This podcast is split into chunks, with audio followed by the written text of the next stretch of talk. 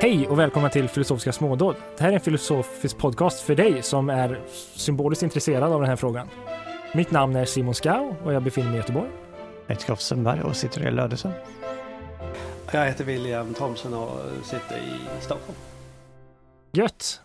Idag, det är, inte, det är ingen mening att jag börjar prata, bättre att William du pratar direkt. uh, Okej, okay, hej. Um, och idag ska vi slakta mitt tro på världen. Eftersom, jag, som jag har sagt i många avsnitt, eh, min favoritfilosof är någon som heter Ernst Cassere. Eh, som var en filosof ehm, um, först, eh, i början av 1900-talet. Uh, eh, som eh, skrev sin första bok 1914 tror jag, en sista bok 1946 tror jag. Ungefär så.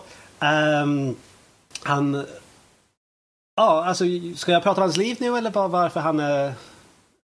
Varför jag har skapat en liten religion runt honom? Nej, men vi kan väl börja med att säga först att alltså, anledningen varför vi läser det är ju en, eh, en relativt okänd filosof. Fast han ja. är, eh, vilket ju lite, de flesta kommer inte ha känt till honom om man inte har lyssnat på den podcasten. Nej, det är sant. Um, Okej, okay. men han var en väldigt känd filosof under tiden han var aktiv som filosof. Han var Eh, han, han, var aktiv i Tyskland innan andra världskriget. Uh, jag tror han doktorerade sig i Berlin, tror jag. Uh, och sen han flyttade till Hamburg där han var aktiv ett tag. Och sen han var en stark försvarare av uh, Weimarrepubliken uh, innan Hitler tog makt.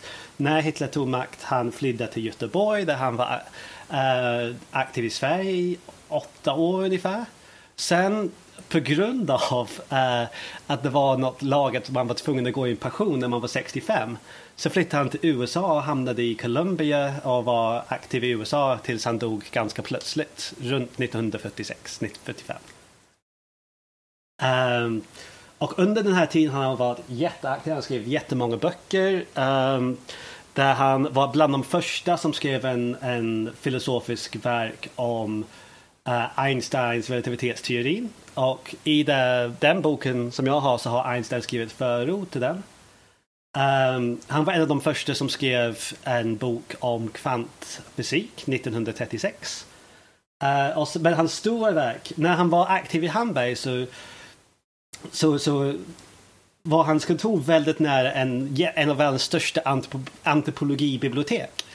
Och när han var där så uh, han, han skojade och sa så här, ja men jag kommer inte kunna arbeta, jag kommer bara sitta där hela tiden och läsa.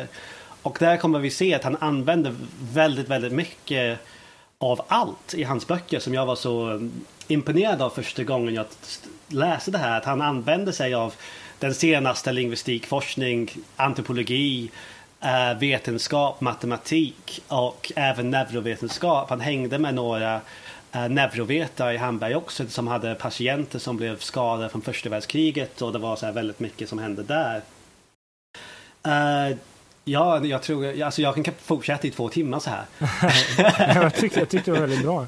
Uh, ja just det, så han skrev uh, hans största bok, eller han, ska, kan man säga, uh, en fyra volymverk som heter The Philosophy of Symbolic Forms.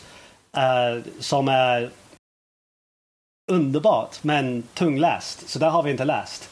För till den här gången, idag har vi läst uh, en bok som han skrev när han kom till USA. Så det var hans första bok som han skrev på engelska till och med. Allt annat var på tyska men det här var på engelska. Uh, som han ville berätta om hans filosofi till um, amerikanerna. Så han skrev någon sorts sammanfattande verk och lite uppdateringar av det här fyra volymsverk. Och där har vi läst som heter The Essay of Man. Men här står det att han skrev det på Yale University, ligger det i Columbia? Eller var... Är det Yale? Han var på Yale och Columbia. Ja, okay. uh, så, så, han var på båda två. Um... Hur, hur, du som har läst alla hans texter, jag undrar, hur, hur kan man se det här som populär, populärvetenskapligt och populärfilosofiskt? Just för att han försöker sammanfatta och förklara det han har gjort tidigare. Alltså jag menar, om, om man har skrivit en bok i flera volymer och sen så sammanfattar han den i, knapp, i i 200 relativt lättlästa sidor. Ja, men även som vi märker i det här så han har en tendens att uh, babbla. Ja.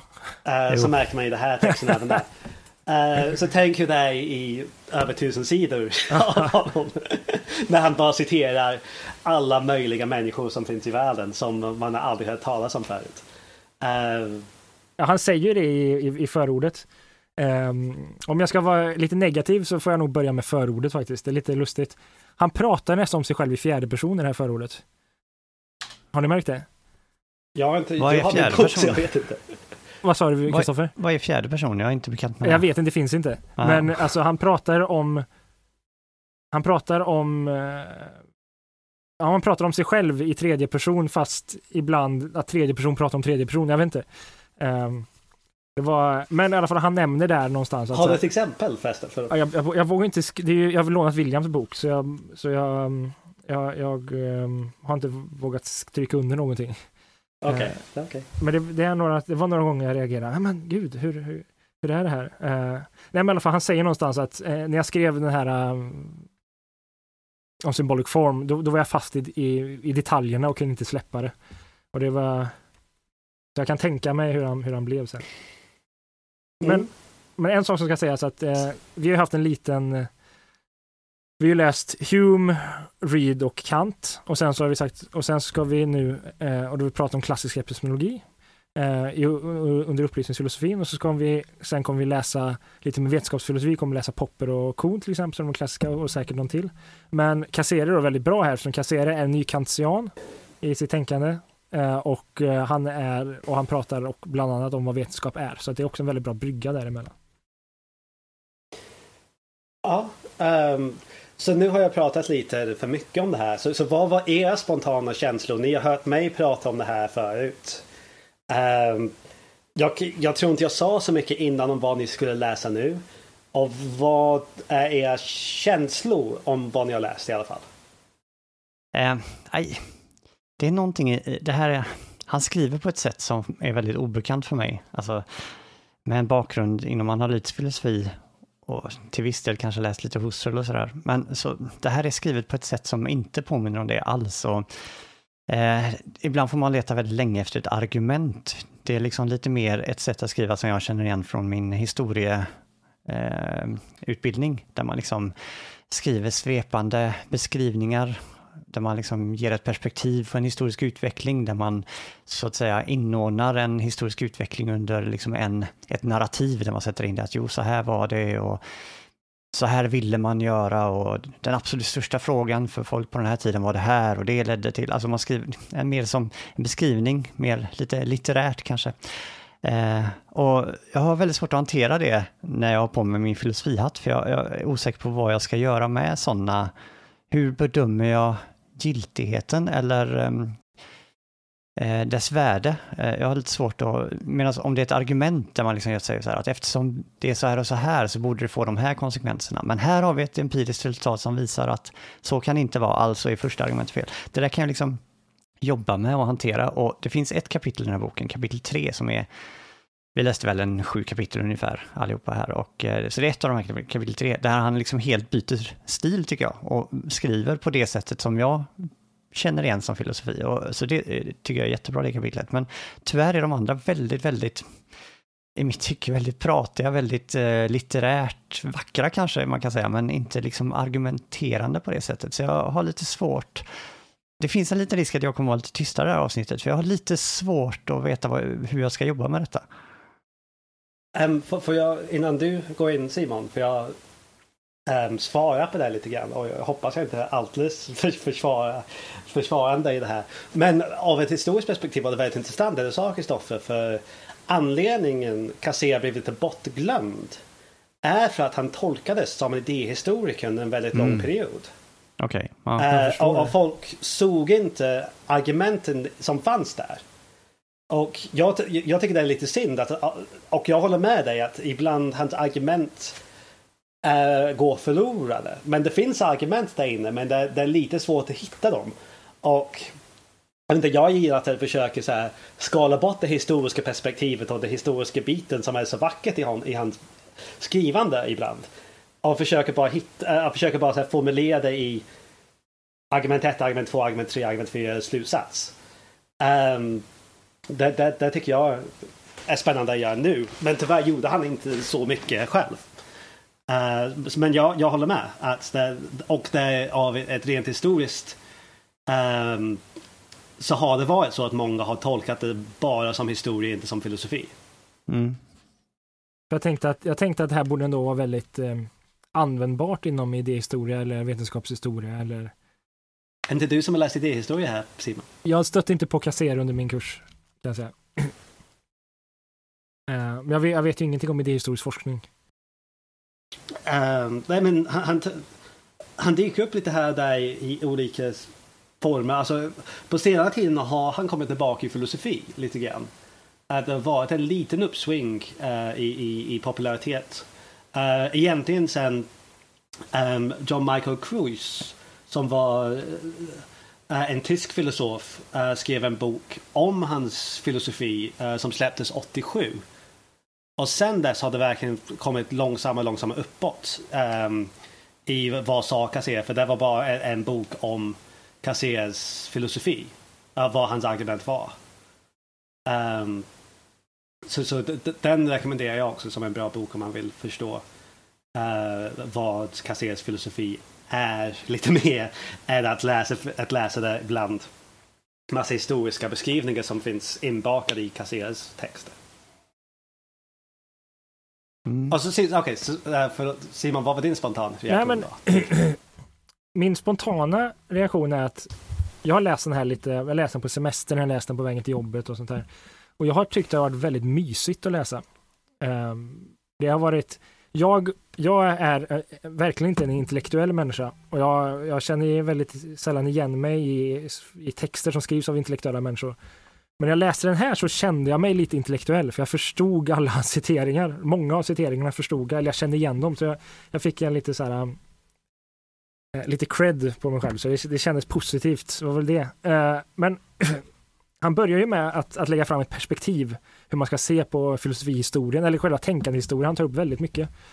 Eh, och det intressanta här, vi, vi, vi kommer komma till det, han, han går igenom filosofihistorien egentligen för att, eh, för att eh, visa på vilken den viktigaste frågan är. Eh, och det är då ehm, eh, frågan om vad människan är. Och grejen är att han, han försöker få alla att eller han försöker inte kanske få, men han, han, han försöker argumentera på visst sätt hur alla har försökt arbeta med den här frågan. Um, och jag kände inte igen att alla som han tog upp gjorde det, så att jag, jag såg vad han, vad han sa och jag tyckte att här, det var intressant att se det på det viset. Men just den här, eftersom det kändes så här, men jag, för mig är det öppet om det stämmer eller inte, så blev det mer att jag läste, ja men det är intressant perspektiv och, jag, och den typen av läsning följde mig under hela boken. Att det blev, ja men det är intressant, intressant. Men jag, jag kände väldigt sällan att, att, att, att jag själv satte texten eller texten satte mig att stämmer det här eller inte?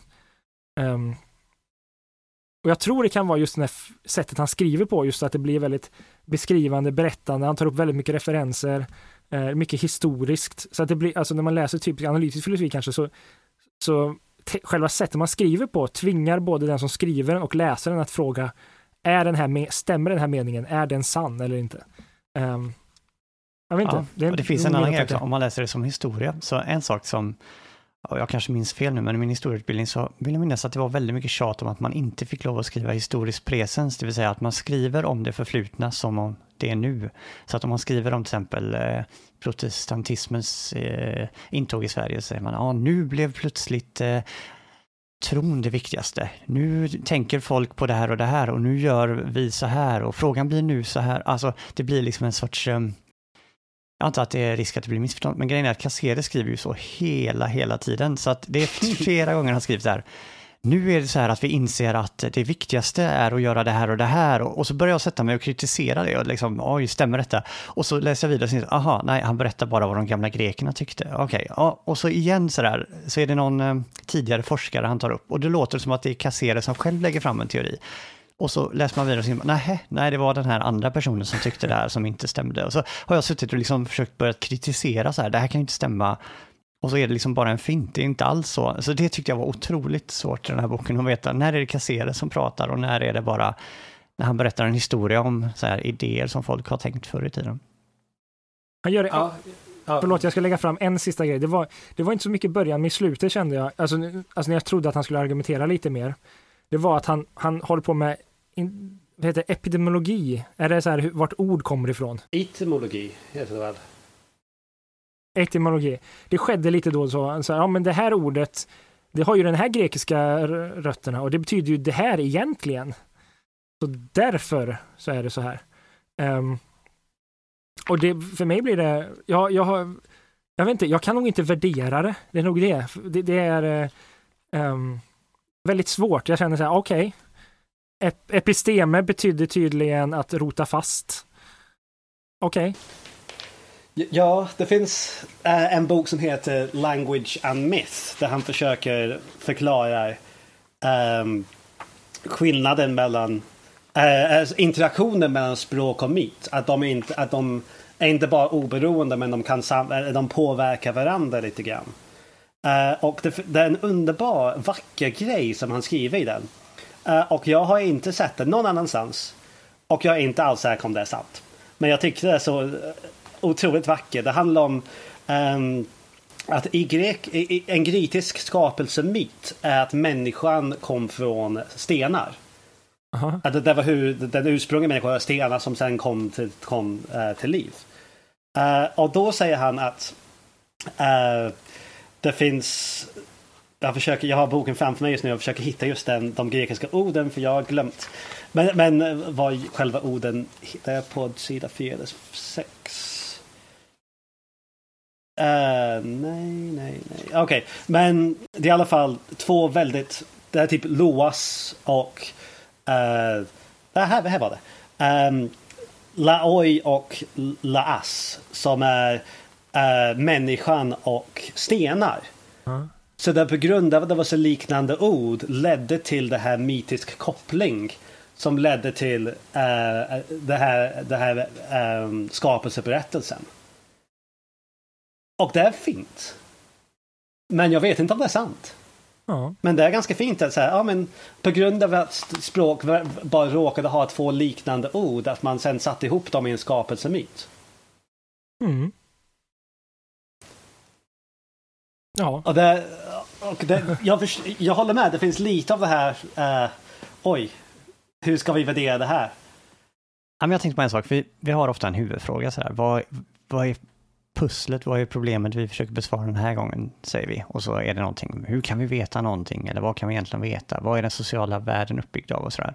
Och ofta hjälper det mig att, eh, att i den här, vi har pratat nu om att det är svårt att värdera och så vidare. Och för mig hjälper det ofta att värdera. Och jag skulle gärna säga några ord om hur jag ser Eh, hur jag tolkar kasserers eh, huvudfråga här, vad är det han egentligen är ute efter att lösa?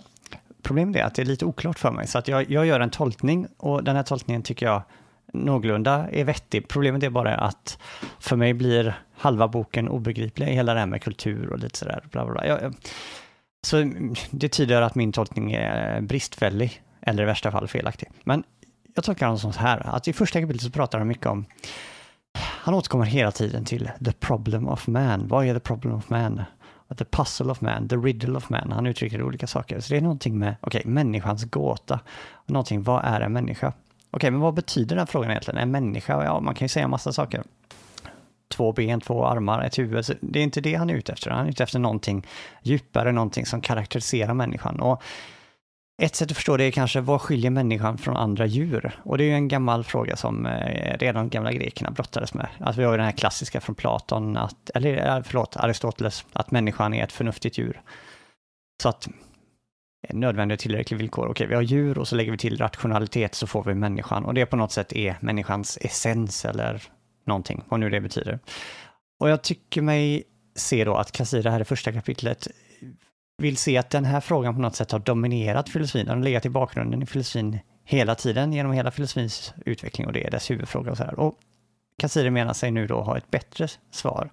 Det är inte rationalitet och det är inte språkanvändning och direkt, eh, utan det finns någonting ännu mer fundamentalt bakomliggande som utmärker människan och skiljer det från djuren. Och den här frågan visar sig då i kapitel 3, tror jag det är tidigast, eh, är eh, symbol. Så det, det är ett väldigt specifikt begrepp för honom, det här symbol. Det är en väldigt specifik sak. Och den här symbolanvändningen i Caceres betydelse, det är det som utmärker människan. Det är det som är människans essens på något sätt. Det som i någon metafysisk mening gör människan till människa. För man skulle kunna säga, så här, vad utmärker människan från djuren? Ja, människan eh, konstruerar bilar, skulle man kunna svara. Det är ju inget djur som konstruerar bilar. Så på ett sätt är ju det ett sant svar, men det är på något sätt inte riktigt det Cassera är ute efter, eftersom jag antar att konstrueringen av bilar går att reducera till någonting annat så är inte det ett slutgiltigt svar. Så han vill hitta ett svar som i sig inte går att reducera till någonting annat. Liksom. Förklaringen når en ände och det är den här symbolen. Då. Eh, och jag tycker han gör det väldigt bra i det här kapitel 3 där han testar lite olika sätt att se om djur är kapabla till symbolanvändning i hans betydelse. Och så kommer han fram till att det inte är det. Att, men sen så går han vidare, resten av boken handlar om människans kultur och vad kulturen är för någonting. Och jag får inte jag, ihop det med om frågan okay. är... Um, underbart! Alltså jag tycker du fick det rätt, förutom en liten grej. Och varför kultur är så viktigt för honom är människan om man är född. Um, Okej, okay, okay, förlåt. Så, så människan har, uh, har symbol, symbolanvändning. Det kommer man fram till, eller hur? Mm. Um, så vad... Um, nästa steg är, har vi dessa symboler från början? Har vi till exempel utvecklat uh, komplex icke-euklidisk geometri när människan fick sin symbolisk förmåga. Och då är icke-euklidisk geometri är då en typ av symboler helt enkelt? Ja, uh, och svaret är nej. Vi, vi har inte fått de här uh, symbolens kraft. Vi har inte upptäckt X i algebra när vi är född. Uh, när, när människan först blev färdig evolutionerande till den symboliska djuren som eh, kasserare vill ha. Så den, när vi var biologiskt möjliga till symboler, vi hade ändå inte symboler. Och det är där, det är där kulturen kommer in och det är därför kulturen är så viktigt. För Cassera pratar jättemycket om hur um, symboler utvecklas. Och det som är viktigt för honom Eh, de kapitel vi inte har läst eh, heter saker som språk, myt, vetenskap, konst och finns det en till? Religion. Ni som har Historia. Religion. Religion. Historia. Ja. Myt. Uh, myt sa jag. Uh, men, men, men så, så, vad dessa är, är vad han kallar för former.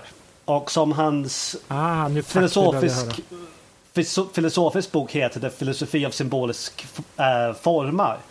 Så det är sättet vi har symboler som är viktigt för kasseret. Inte bara att vi är kapabel till att ha symboler. Mm. Um, och det är nu... Oh, man kan gå många sätt. Förlåt, jag kan prata jättelänge om det här. ja, men kör. Uh, så, så, men jag vill inte att det ska bara vara jag som berättar min kasserans tolkning. Men uh, så, så det blir... Det, och det här blir intressant på, för två olika anledningar.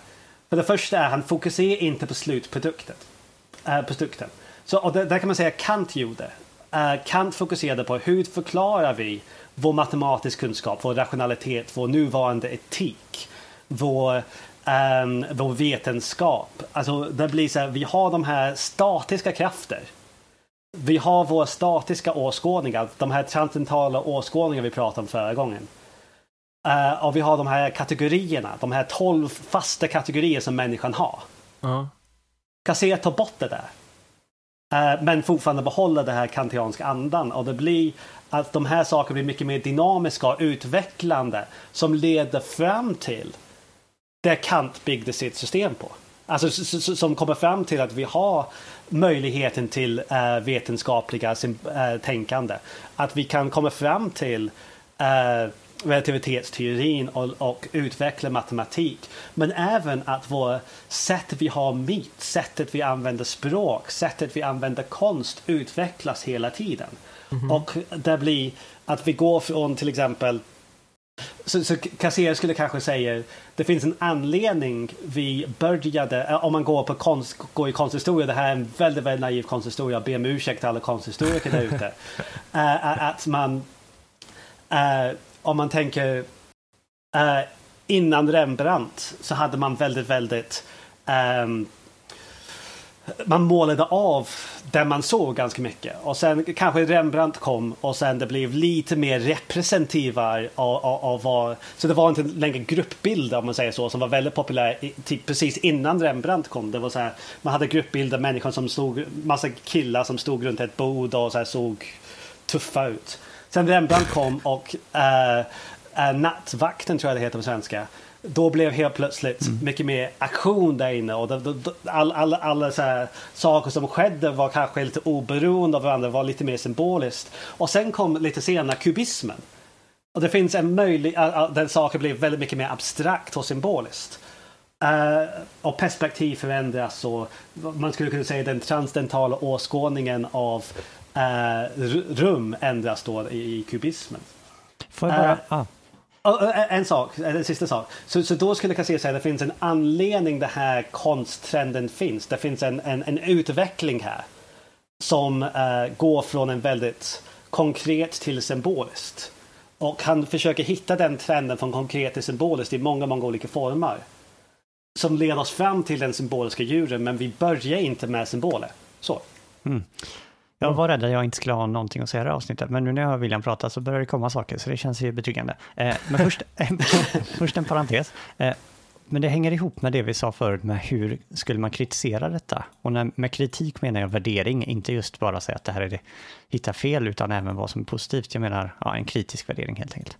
Eh, jo, låt säga då, för eh, jag är inte heller duktig på konsthistoria, men jag har hört sägas att ibland kritiserar folk eh, medeltid medeltidskonst. För att om man jämför med de gamla grekerna då, så var ju de fantastiskt duktiga på att avbilda. Man ser de här fantastiskt naturlika eh, skulpturerna.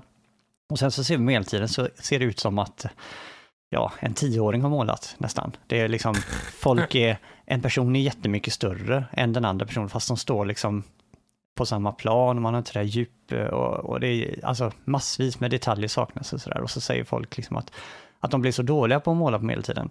Men så har jag hört det sägas att vissa menar att nej, men man slutade helt enkelt att bry sig om att måla av kroppen. Kroppen och rummet blir inte viktigt, utan man målar, man representerar istället själen. Så att någon som är väldigt stor och har en stor själ då, eller på något sätt en stor människa, målas stort. Så att man liksom byter fokus. Och, det, och sen så eh, i renässansen går man ju mer tillbaka till det där grekiska. Så då skulle man kanske då säga här, men är det här en kritik mot hans utvecklingshistoria där man går från eh, avbildning till mer och mer representativ? Eh, och så, fast den djupare frågan är, å ena sidan om det här rent historiskt är fel av Cassere, men en mer viktig fråga tycker jag är, hur skulle Går det att kritisera Cassere? Liksom, är hans teori när han säger så här, så möjlig överhuvudtaget att kritisera? Vad skulle vara ett motargument mot hans eh, utvecklingsbild av eh, konst.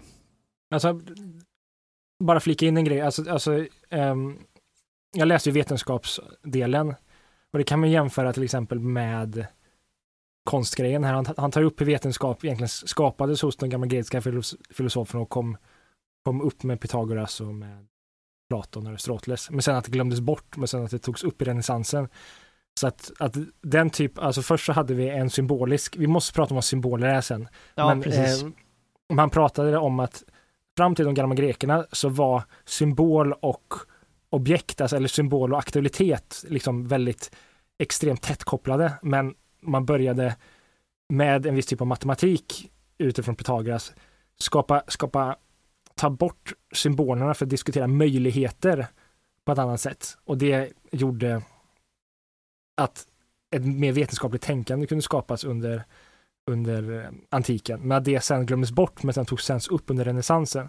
Sen, sen eh, att han bara nämner det är väl kanske inte eh, ett immunitet, men jag menar att, att den här eh, evolutionen eller utvecklingen så att säga av de symboliska formerna från att vara väldigt eh, aktuella så att säga, var tätt förknippade med objekten till att bli mer eh, abstrakta om, om, om man så vill, men han pratar väl inte om abstrakta, han pratar mer att symbolerna blir möjlighetsskapande.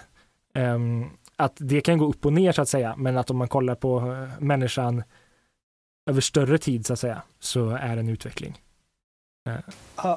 Uh, um... Jag vill bara säga så att jag vet inte om det skulle vara en kritik eller inte en kritik, men jag menar, jag, jag vill gå tillbaka till Kristoffers fråga, men jag menar, man har sam, samma sak i vetenskap som i konsthistoria här och han Jo, men det, det, det är det som jag försökte ta upp förut var um, där Kassé säger att den här utvecklingsmönstret från vad han kallar för jag, jag, är inte helt säker om det står med i, i, i um, det jag säger man, men det finns tre faser enligt honom.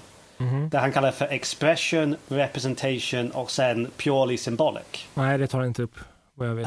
Um, man pratar lite om signs och symbols och det är mm. lite samma sak. Ja, ja precis. Ja. Um, men de här tre faser då. Uh, förlåt, vi kan komma tillbaka till det här. Jag vill gå tillbaka till, till det Kristoffer sa.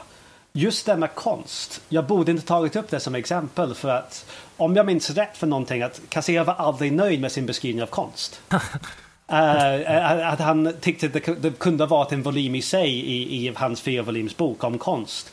Men han lyckades aldrig hitta det, eller så här, kunde skapa det själv. Men han försökte men jag tror inte han, han, han var aldrig så nöjd. Um, och den, därefter den andra problemet, så här, Gårde kritiserar. Uh, ja, genom att säga uh, till exempel jag, jag tror det är upp till empirin att säga vissa saker inte stämmer i den. Uh, men samtidigt, det som uh, har också sagt i se, om sitt egen filosofi att han har bara skrivit en Uh, ja, nu är ordet jag inte kan uttala. Polig polygemena till uh, den, den, den filosofin och symboliska former. Så det här är egentligen bara en utkast. Okay. Det är för framtida filosofer att göra det bättre. Ja, för det är intressant för att jag om du tar, för att jag tror inte hans, hans tankesätt, så det lilla jag liksom fått upp av det, kan falsifieras med att kritisera empirin han tar upp. Å andra sidan tror jag inte att all, alltså, han tar upp väldigt mycket empiri och det är väldigt intressant och väldigt givande. Alltså, det berikar verkligen det han säger, men det, det hänger väl inte på det på samma sätt.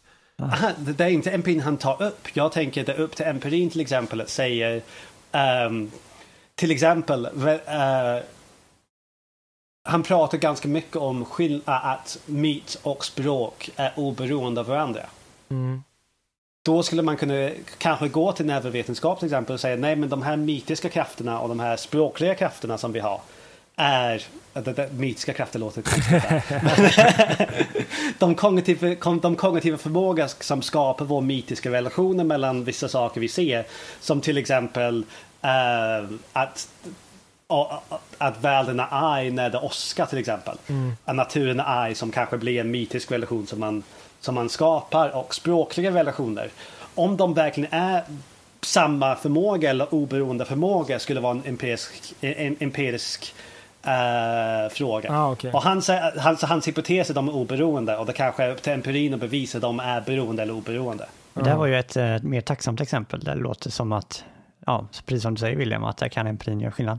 Eh, det är problemet jag är ute efter och jag vet inte hur hårt det drabbar Kassera, men det är någonting man ofta pratar om inom historien när det gäller till exempel marxistiska teorier.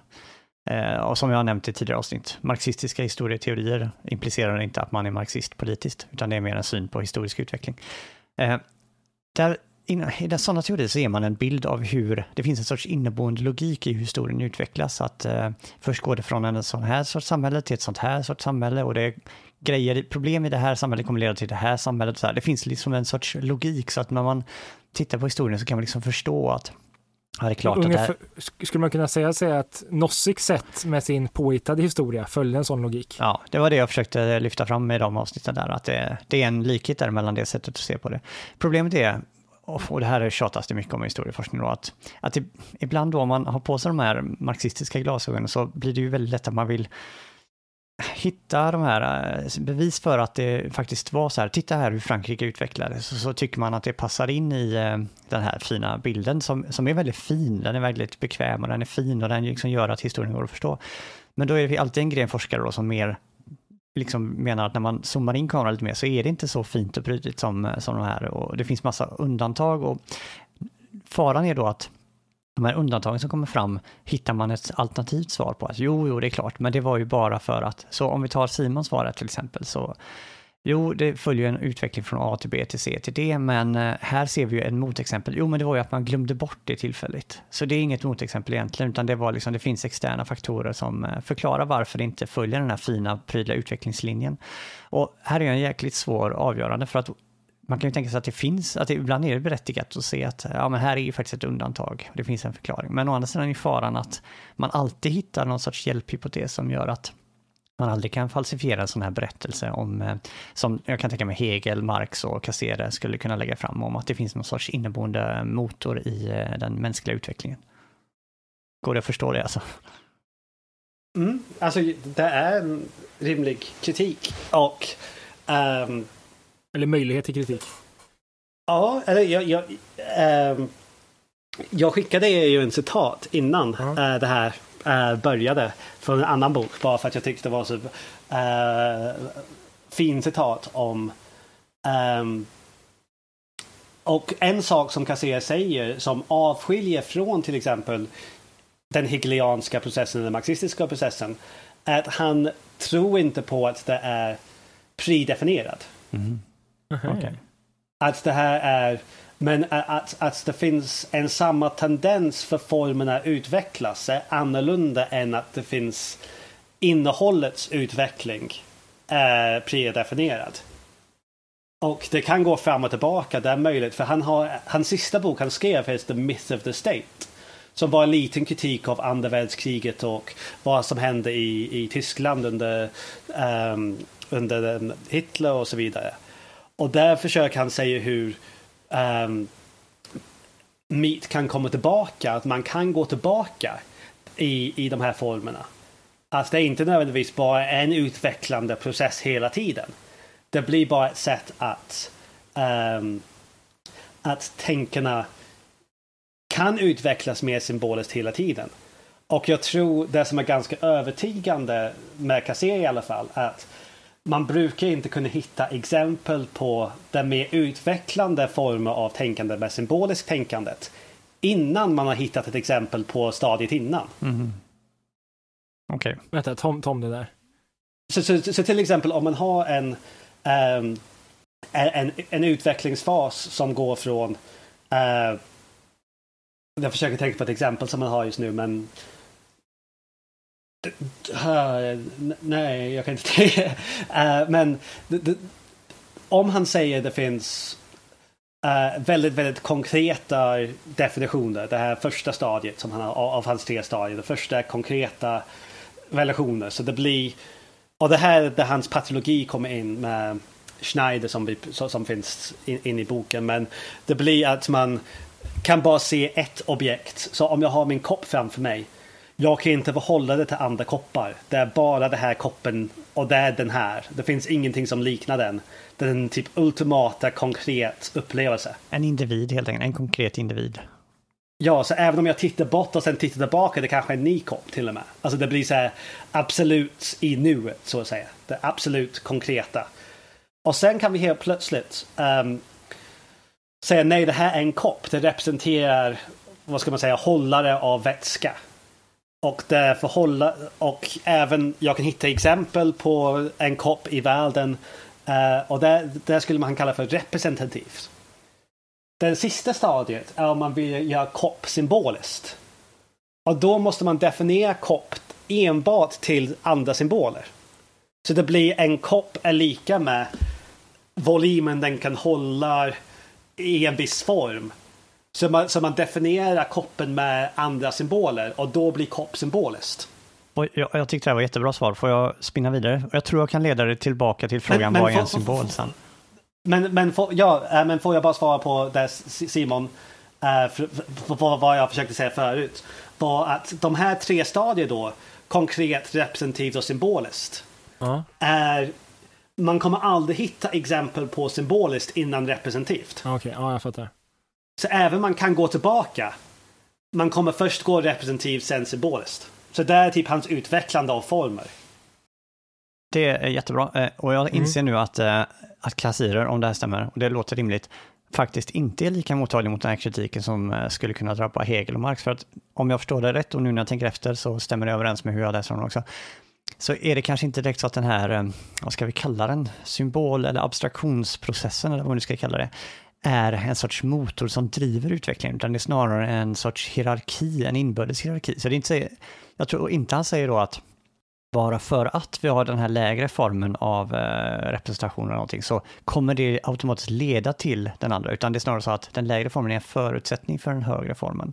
Så det finns ingenting, eh, ingen nödvändighet att det kommer att leda till de här högre stadien. Så det, den här motorn som finns hos Marx och Hegel inte här, utan det är snarare en, för att kunna tänka abstrakta tankar så måste du först kunna tänka konkreta. Um, och jag tänker gång på gång när jag läste just det här stycket och det, det du William beskriver nu är lite hur de här symbolerna växer fram. Symbol är återigen ett specifikt ord för honom.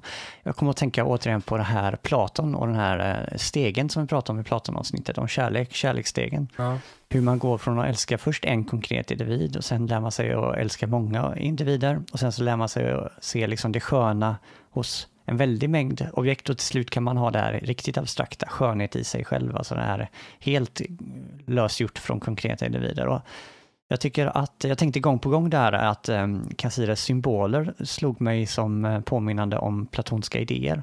Vad, vad är, är skillnaden mellan idéerna, kanske i och för sig Aristoteles former också, för det framgick inte om de kunde existera utan någon sorts instansering, men ehm, är de inte, påminner inte Caceres ehm, symboler väldigt mycket om de här idéerna och formerna?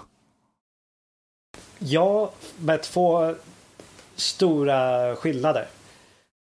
Um, det första är symbolerna är beroende på världen. De räknas ut från den konkreta världen. Okej, okay, så mer Aristoteles än Platon då? Ja, um, och för det andra, ja. För Platon, de här finns oberoende av människor medan Kassere är Ja, men, okej, okay, vi ska säga Platon är det, men äh, Kassere är någon sorts idealist också på det här sättet. Så att de här är definitivt beroende på våra tankar och vår tolkning av världen. De är inte någon slags ultimata idéer som finns någonstans. Men vänta, okej, okay, um, ehm, det är kanske en onödig fråga, men här att um, jag förstår i den här hierarkitanken och lite hur han pratar att, att hur man går, hur, det, hur, hur symboler kan hänga ihop med det konkreta. Men måste den verkligen göra det? Är det nödvändigt? Att symbolerna är det var en jätteintressant stycke i volym 3 på den filosofiska symboliska formen. där um, uh, som, som, jag minns under min kandidat om jag fastnade på den jättemycket. Uh, uh, och det var det verkade som att det behövde en svag koppling till verkligheten. Och en stark, alltså så det var en stark definition till andra symboler. Men fortfarande behövde en svag koppling till för att kunna instansiera sig i världen. För att ens vara meningsfull. För om man bara kom fram för en symbolisk relation som inte instanserar sig i verkligheten så var det meningslöst. Mm. Så till exempel gravitation. Man kan formulera Newtons gravitationslagar. Så de är starkt definierade till varandra som acceleration är definierad i relation till massan. Men den, den är också svagkopplad till massa fenomen i världen där man kan applicera den här relationen till. Hänger ni med? Att man säger det här är ett exempel. Så, så, så det blir när jag tappar min, jag tappar min telefon lite grann nu på, på soffan. Eh, det är ett exempel på instansieringen av en, eh, av en symbolisk definition. Men, men du, okej, okay, men men innan till exempel man hade en, en definition av, alltså en symbolisk definition av äh, gravitation. Man skulle kunna säga, men vad är gravitation? Man tappar någonting och pekar på den och säger det är gravitation. Mm. För det, blir, det, det, är ett annat sätt att definiera gravitation. Ja. För jag tänker bara, alltså hans typexempel, du får rätta mig om jag fel, men det känns som hans typexempel av symboler är matematik. Um, men det är lite intressant, han säger aldrig det och han, han det smyger in och helt plötsligt blir det väldigt mycket matematik, vilket är väldigt för han, han ger tips lite hela tiden, han pratar om matematik, vilket fick mig som läsare att tänka väldigt mycket på matematik. Och sen så kommer han med nya grejer om det, vilket var väldigt intressant. Men till exempel, han pratar ju om att um, innan Pythagoras till exempel, så um, eller nu kommer jag inte ihåg, men någonstans från gamla grekerna så hade, hade de ett jätteproblem med geometrin kommer jag inte ihåg vad det var, men för att lösa det var man postulera icke-rationella tal. Helt enkelt. Och eh, det var enligt honom, hans historisk beskrivning, så var det helt tabu att prata om det. Ehm, eller negativa tal för den delen. Ehm, men sen så nästan som att det behövdes att någon Alltså först har vi det konkreta, vi har vi har de konkreta formerna som vi kan tänka oss något lägre primitivt djur. Jag tänkte säga hund, men hund kan ju tänka lite framtid och liknande så att de borde ha någon typ av symbolisk form. Nej, nej, nej. Eh, det kan de inte ha. I så fall är ju de människor. Om jag, om jag har tolkat det rätt, att symbolanvändandet är liksom, eh, vad är det nu det heter? Det heter något fint på latin. det som utmärker eh, människan. Homicus symbolicum, tror jag det var. Jo, jag vet. Alltså, jag, jag kan komma in på det sen. Det är lite kritik. Men alltså, um, vi får gå in på det sen. Men okej, okay, eh, vi säger, vi säger okej, okay, de, de har inte, inte symbol, men vi tänker exemplet som man hade var ju att eh, en patient som har en hjärnskada som man tog upp. Som Schneider. Schneider. Var, det, var det verkligen Schneider i det exemplet? Det är Schneider. Ja, i alla fall um, där um, den här patienten då kunde dricka kaffe med vänsterhanden. Men hon kunde inte, och det var det eftersom det var det hon kunde göra. Men hon kunde inte ens utta, hon kunde säga meningen, hon kunde göra det. Men hon kunde inte ens säga låtsaspåståendet, jag dricker med min högerhand. Hon kunde inte ens uttala det och här var det att den, kunde, den här patienten kunde inte prata om det möjliga ens. Och, det möj, alltså, och där skiljer vi då mellan det konkreta i upplevelsen och det möjliga här. Eh, och skillnaden här, till exempel i matematikens utveckling och i vetenskapens utveckling som man pratar om, är att eh, när vi beskriver objekt i geometrin till exempel så använder vi rationella tal helt enkelt. Eh, och eftersom de hade en, vad man säger, ett till ett korrespondens, att eh, siffran två korresponderade verkligen med aktuella i två tomater. Eh, medans när man skulle ha irrationella tal så korresponderar inte det mot någonting, men det behövdes sen för att möjliggöra nytt tänkande så behövde vi irrationella tal i slutändan. Eh, och, och då till slut utvecklade vi det här. Fan, jag tappar bort min tråd vad jag skulle komma till. Ja, jag, jag har tappat tråden. Men jag tror jag förstår, om jag, jag förstår tråden. Att nu är negativa, nu är irrationella talen inte kopplade ja, till någonting jo, starkt till ja, just, världen. Just ja, precis. Uh, och och då pratar man om att matematik och matematiska objekt är då relationer och i rationella tal blir det relationer till relationer. Och sen symbolerna sen blir relation, äh, desto mer symbolerna utvecklas och desto mer matematiken utvecklas får vi relationer till relation till relationer. Um, mm -hmm. Och i slutändan så kommer vi då, uh, alltså när vi kommer till matematiska objekt såsom olika typer, eh, Alef 5-oändligheten till exempel, som en oändlighet upphöjt till en oändlighet, upphöjt till oändligt oändligheter, upphöjt till oändligt oändligheter, upphöjt till oändligt oändligheter och ännu mer än det, så att säga. Alltså, kommer den verkligen ha, man kan på ett sätt säga att det har en svag koppling någonstans till att man, då pratar man om relationer till relationer till relationer till relationer. Att gå tillbaka till att vi faktiskt pratade om att vi postulerade irrationella tal för, för att lösa ett problem med rationella tal Ja, men, men, men den känns för svag okay. för att vara, alltså...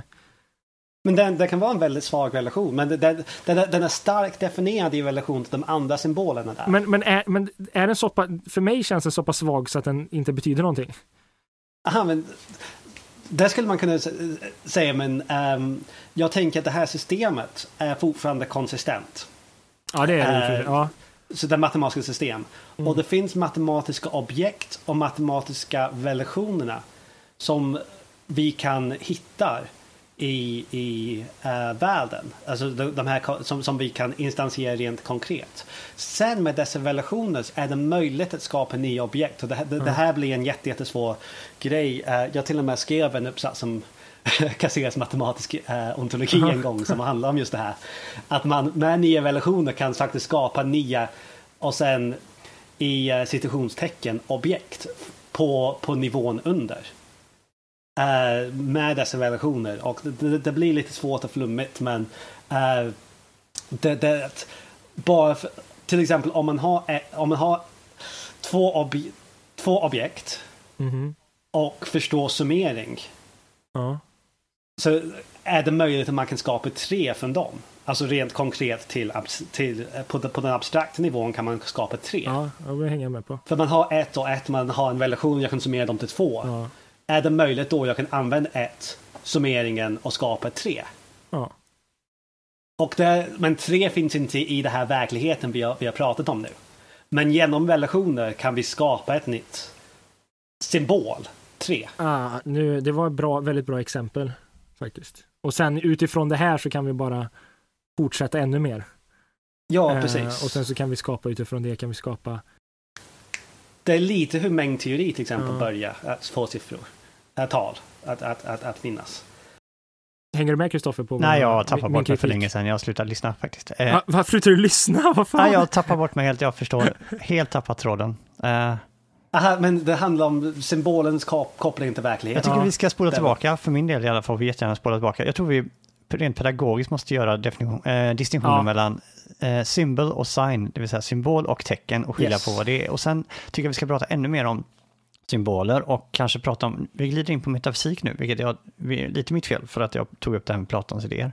Jag, jag tycker det är skitspännande och jag fortsätter, jag tror jag kan förstå det ni just sa bättre om vi kommer tillbaka till det och etablerat lite mer, för jag är fortfarande lite oklar vad detta är för något symboler. Är det metafysik eller är det medvetandefilosofi? Är det en tanke om hur vi, ja, det- finns mycket att utreda, men jag tror om det är okej för er att vi börjar med att göra distinktioner mellan science och symbol, alltså tecken och symbol. Ja, jättebra. Tack Kristoffer. Bara en fråga, ska vi ta en paus först? Eller ska vi? Ja, ja, visst, jag kan ta paus. Okej, kör vi? Japp. Okej. Då var vi officiellt igång. Nya signaturmelodin.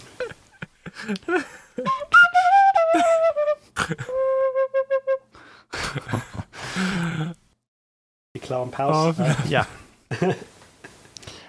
Okej, så Kassera här då försöker hitta eh, vad det är som utmärker människan. Men så inser han att det kommer ju vara motargument mot det. här. Han säger då att symboler och symbolanvändande är det som utmärker människan. Men det finns ju en massa grejer djur gör då som skulle kunna uppfattas som att djur använder symboler. Och han har ganska många intressanta exempel där, men eh, det som jag minns bäst är väl när han pratar just om hundar som Simon pratade om förut, är att eh, hundar tycks ju reagera på eh, signaler så att säga. Och de här signalerna kan uppfattas som symboler. Man gör en sorts symbol så sitter under ner, man gör en annan symbol, antingen verbalt eller att man tecknar någonting eller hur man nu gör.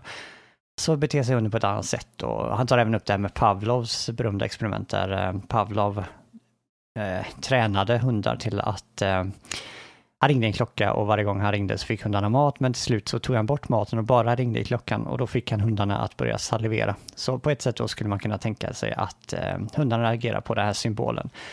Men då inför eh, kasseraren den här jätteviktiga distinktionen, nämligen den mellan, i engelskans original så är det mellan signs och symbols, men på svenska då kanske tecken och symboler. Det tecken är en lägre form av eh, signal. Vi kanske kan använda signal som ett eh, ord som är neutralt mellan eh, tecken och symboler. Men, eh, och djur är kapabla till de här med tecken så att, eh, att jag gör ett tecken här och nu som får djuret till att bete sig på ett visst sätt eller ändra sitt beteende eller ändra, ja, kanske sitt psyke. Det, det är liksom okej, det, det, det har inte det är inte det han försöker eh, lyfta fram, utan symbolerna är någonting annat då, någonting eh, mer abstrakt än de här eh, tecknen. Och jag vet inte hur mycket utav det vi redan har liksom hintat om här, men att eh, William tyckte jag uttryckte det bra förut, just den här abstraktionsgrejen, att eh, ett tecken är kanske här och nu konkret. Det går liksom inte bortanför förekomsten, själva instansen som är här och nu, medan en symbol är på något sätt mycket mer abstrakt, den kan liksom representera en koppsymbol kan representera koppar kanske i hela universum. Har jag förstått det rätt, eh, William Simon? Ja, ja, jag tycker... Alltså, eh, ett annat exempel för, som jag gav förut var om man bara pratar om gravitation som den kraften som får oss att sjunka mot eh, marken.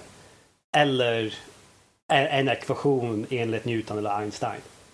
Det skulle vara skillnaden mellan det här mer Mm. på teckennivån. Som att säga, vad händer nu? Ja, men det, vi kallar det för gravitation. Okej, så Och, det, och symbolen som är gravitation definierad i relation till acceleration och massan och Mm. Så djur kan liksom använda gravitation som tecken, det vill säga de kan liksom behärska omedvetet då, antar jag, liksom att nyttja gravitationen för att fånga byten och så vidare. Men Fåglar kan flyga och bryta mot Ja, det lite grann. precis. Ka- Kanske inte...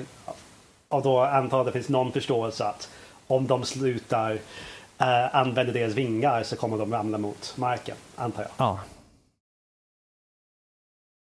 Men de har inte Nej, kanske inte det förresten William, för att visst var det väl så att eh, just det här med möjlighet, possibility kontra aktualitet, var det absolut nödvändiga. Så just det här kontrafaktiska, att om jag gör så här så kommer det här hända, eller om jag inte gör så här så kommer inte det hända. Att det var just väldigt utmärkande för när vi har gått över från eh, tecken till symbol. Att tecken är alltid, de är instanserade här och nu. Det kan liksom inte finnas en möjlighet där, utan... Det, det är sant, jag, jag helt plötsligt insåg det under tiden Ah, jag okej. pratade. Du bara, det är, möj jag försökte det är möjligt att jag glömde möjligheten. Um, nej, för jag tänkte så här, förstå fåglar det där, att om de, att de kommer inte nog förstå Ja, det. men det blev en pedagogisk poäng av det i alla fall. Ja. Så det var därför du gjorde det. Kanske. Ehm, ja, men okej, om man tar hundarna då. Om man har hunden förstår sitt namn, men namn är symboliska skulle någon kanske säga. Mm. Eh, men det skulle vara som, det, då skulle man säga nej, det är lite att man har någon slags en-till-en Mm. eh, kartläggning av ljud till beteende. Ja. Så om jag kallar hunden kom hit hund. Mm. Skulle hunden som heter hund hör det här och titta på mig. Så det blir en, en, en kart. Så det är inte, ingen symbol Nej. där. Det, det är tecken. Det var helt briljant, det tyckte jag var det bästa i hela boken. Det här när, det är ju i och för sig någonting han har hämtat från någon annan, men det här med de här blinda dövstumma barnen, det var- Laura Bridgman Ja. och Helen Keller.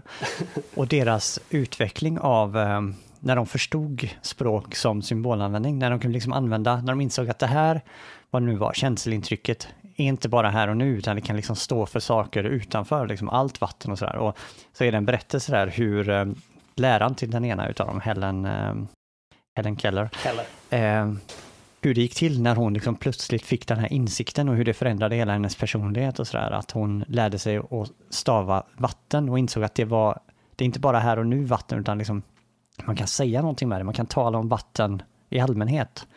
Det och det hon gjorde då var att hon skrev bokstäverna i handen va? Mm, precis. Och, och insåg att bokstäverna är inte bara något jag känner nu utan det är de, de representerar någonting. Och helt plötsligt så blev de helt lyriska och ville veta vad andra saker. Och även personerna runt om och sådär Ja. och liksom öppna upp ett helt nytt sätt att tänka. Ja, det, var, det var väldigt vackert faktiskt. och det, det står även i, i hans volym 1 om språk att det är så med barn. Och jag vet inte om du har upplevt det nu Simon som har barn. Eh, att Kassera säger att alla, alla föräldrar känner till den fasen där barnen har, vad heter det faset? Ja, Eh, att, att barnen vill veta vad allting heter. ja. Eller varför det också. ja, oh. Att, är de två... Eller har du ja upplevt gud det? ja. Eh, men Okej. jo, Så han säger det, det är också ett liknande... ja, just- Så, så det här var special, Helen Keller specialfall. Men han, han tar upp det att Ja. alla barn går igenom den här fasen. Att man inser allting har precis. Men jag tror man, barns varför och barns vad är det, det är inte så kategoriskt som man ska, man ska inte tolka det lika kategoriskt som den här Eureka-upplevelsen som de här blind, blinddöva hade. Eh, Nej, nej. Det, det, Nej, definitivt eftersom inte, det men- oftast används av an, många gånger andra anledningar än att de faktiskt vill förstå. Mhm. Men, men, men, Okej, men, nej, men det, det, det är ett jättebra exempel som de flesta kan relatera till. Att eh, i vissa stunder så, så frågas det hela tiden. Varför, varför, varför? Ja. Hur, vadå, vad heter det, vad är det, vad är det, vad är det? Titta, titta, titta.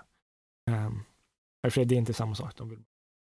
Ja, skitsamma, jag ska inte gå in på Mm. det. Det har med Jag tror vi kan- de, delad uppmärksamhet att göra tror jag.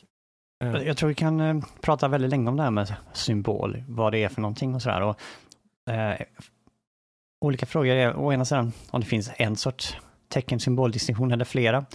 Om det finns, eh, och exakt vad en symbol är, och det var det vi var kanske inne på förut, det här med rent metafysiskt eh, kan det finnas instans, icke-instanserade symboler. Eh, en annan fråga som för mig är, liksom, är det metafysik överhuvudtaget? Handlar det här om att saker och ting är symboler eller är det ett sätt att det är våra tankar antar jag, det är snarare ett, ett sätt att dela upp våra tankar eller? Vad br- eh, svinbra. Ett, ett sätt för mig att börja där gärna är, för det blir väldigt kopplat, han säger att bokstäver är ju typiska symboler eftersom de kan, de bety, bokstaven A betyder ju ingenting egentligen, men det kan representera något annat sen. Ehm, så att bokstaven i sig har ju liksom ingen aktualitet. Ehm, så att säga. Men, och så matematik har vi nämnt andra symboler och, och vi kan skapa fler symboler. Men om man kollar till exempel redskap som kan användas för att göra andra saker. Vi kan använda redskap för att skapa möjligheter så att säga. William tog upp till exempel i Searle-avsnittet eh, ett apexperiment från St. Andrews eh, där han pratade om, nej du tog inte upp det exemplet, gjorde du inte. Men man kan göra andra exempel i alla fall, när till exempel apor ehm, alltså kan nå saker och ting med, alltså de intresserar sig, jag tror det är så här, du kan säga om jag har fel eller William, eh, de intresserar sig av saker som de inte kan nå, men helt plötsligt, i och för sig då blir aktualitet, men när de har ett redskap så kan de nå det. Men då blir redskapet, skulle inte det kunna se symboliskt för att han, och de skulle kunna använda olika typer av redskap för samma funktion. Så att säga, en hammare kan vara både en sko och en sten och en hammare så att säga. Alltså jag funderade att ge er den texten för han har skrivit en text enbart om redskap och teknologi. Mm. Uh, en, och det släpptes en bok för ett par år sedan där en massa andra människor som skrev en text om det här. Mm. Och um, det är jätteintressant för han pratar om hur teknologin utvecklas och detsamma, hur det nästan är en symbolisk form i sig. Att teknologin har olika betydelse. Mm. Alltså det kan vara bara en vanlig um, hjälpmedel, en ex, uh, att göra någonting som um, vi vill göra. Till exempel jag vill nå det som är lite längre bort. Så jag använder en pinne för att nå mm. den. Eller så kan man försöka, försöka använda um, teknologin på ett mycket mer uh, abstrakt sätt. Och nu, nu försöker jag komma på ett bra exempel för det här. Men uh, Nej, jag kan, jag kan inte prata om det. Jag minns inte just nu. Så. Ja, men bara för att omformulera mig. Eh, alltså, en, eh, en känd filosof, eller, eller som man pratar om idag i, i psykologi och sånt också, är något som kallas kroppsschema. Att, att man kan man har något som en del, eh, att man vet hur man kan agera. Nej, det är en väldigt dålig beskrivning av kroppsschema här. Eh, att man Exemplet till exempel, om du använder en eh, en griptång så att säga. Efter ett tag, efter att du använt det tillräckligt länge så blir det som en del av din kropp. Du, du, känner, du, du agerar som om längden på din arm slutar där griptången är så att säga. Eh, och det gör ju att i den situationen är det helt aktuellt att använda grip, griptången. Eh, hur man skulle likna till exempel med apor i det här fallet är att när de inte eh, har en griptång så, så, så är, så är de inte intresserade av det som är längre bort. Men när de, och då är det inte aktuellt så att säga, men när de får en griptång så blir deras arm helt enkelt längre och då blir det aktuellt. Uh, och jag undrar, kan man inte se möjlighetstänkandet här? Så att säga, om jag hade en griptång, eller när de ser någonting så kan de, upplever de det bara aktuellt, helt enkelt att nu når jag. Eller tänker de, med den så skulle jag kunna nå. Och om det är den senare så skulle det vara ett möjlighetstänkande. Ja, alltså vi har två olika frågor här. Um, som är först det här med teknologin och sen nu när, du, när jag lyssnar på dig nu så gick jag och hämtade boken för att bara påminna mig genom att titta i den. Um, men det andra är, uh, har Kassera rätt om djur? Mm. Uh, för alltså det, det, hans beskrivningar om symboler och, och tecken kan finnas kvar utan den här nödvändigheten att människor är de enda som har det. det. Det hänger inte på det, men det är mer pedagogiskt att förstå. jag, tänkte, jag tänkte säga men, den men, innan faktiskt, synd att du hann före.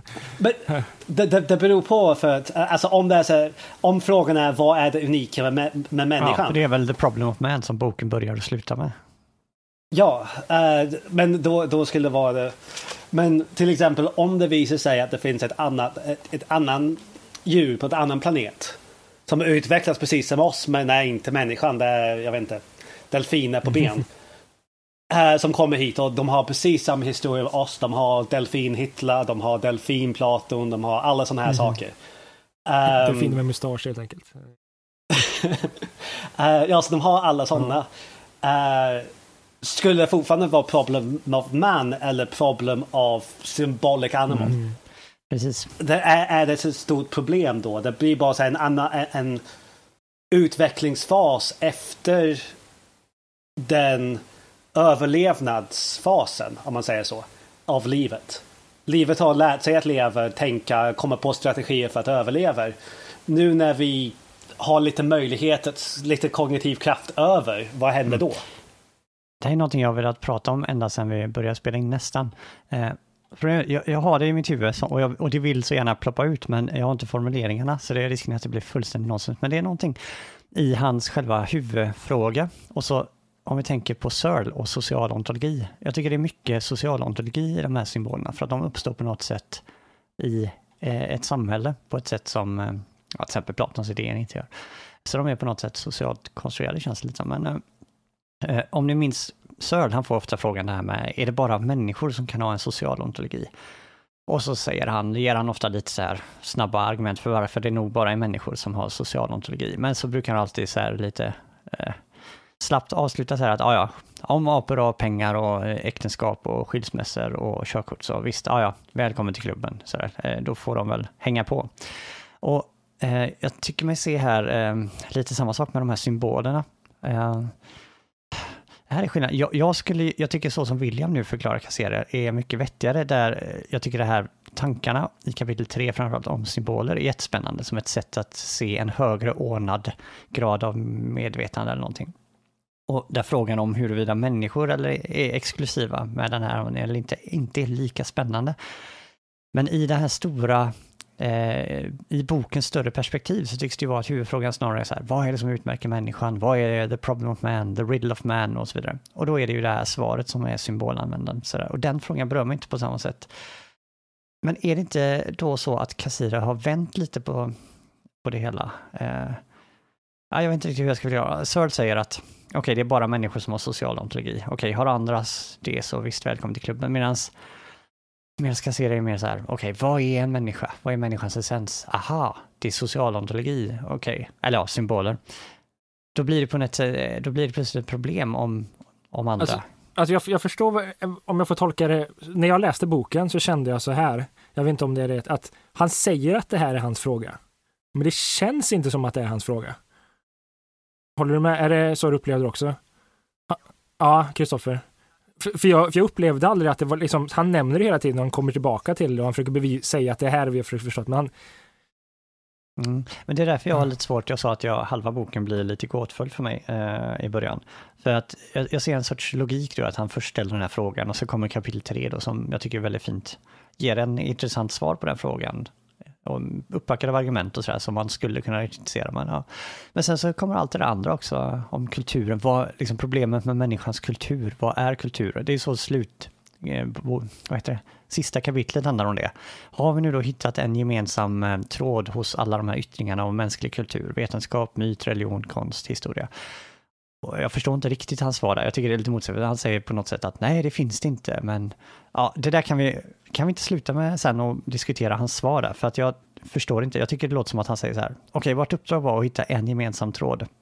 Det gjorde vi inte, men det gör ingenting för att men vi, vi, kan komma tillbaka till det, definitivt. Ja. Men får jag komma in på det här andra biten nu? För jag, vi kan ta den sen, om det är okay. Gärna. För jag förstår mm. precis den andra invändningen. Men om vi, om vi går tillbaka till det Kristoffer sa förut om um, det här med kulturen och det här unika med människan. Mm. Och, alltså det, det, är ju så många som um, försöker säga att ja, det är språk som gör människan annorlunda än djur ja. och säger nej det är inte det. Så man kanske en viss grej i språk som avskiljer oss från djur. Och kultur är en av dem som jag tror finns kvar lite grann men det finns också lite så här motbeviset för det finns kulturer i bland schimpanser och bland kråka och liknande djur.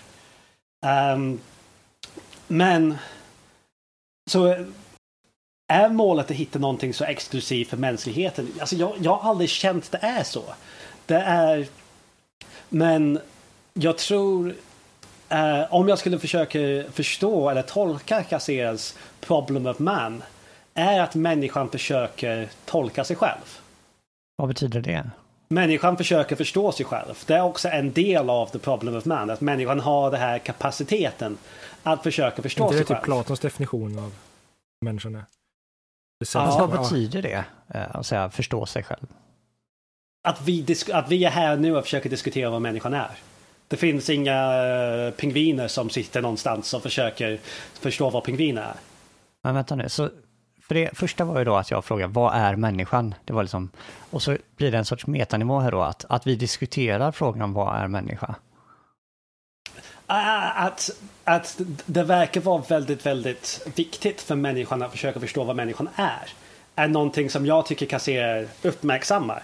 Om det är det väsentliga i, vad, i, vad män, i, i, i, i uh, hans diskussion är en annan sak. Men jag tycker inte att han vill ha nödvändiga villkor för vad skillnaden mellan människa och djur. Mm.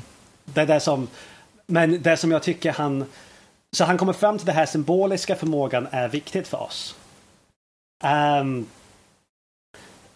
Uh, men, och så, som jag sa förut, vi börjar inte på den symboliska nivån. Vi har den här tendensen för att, bli, att vilja, vi gillar symboler.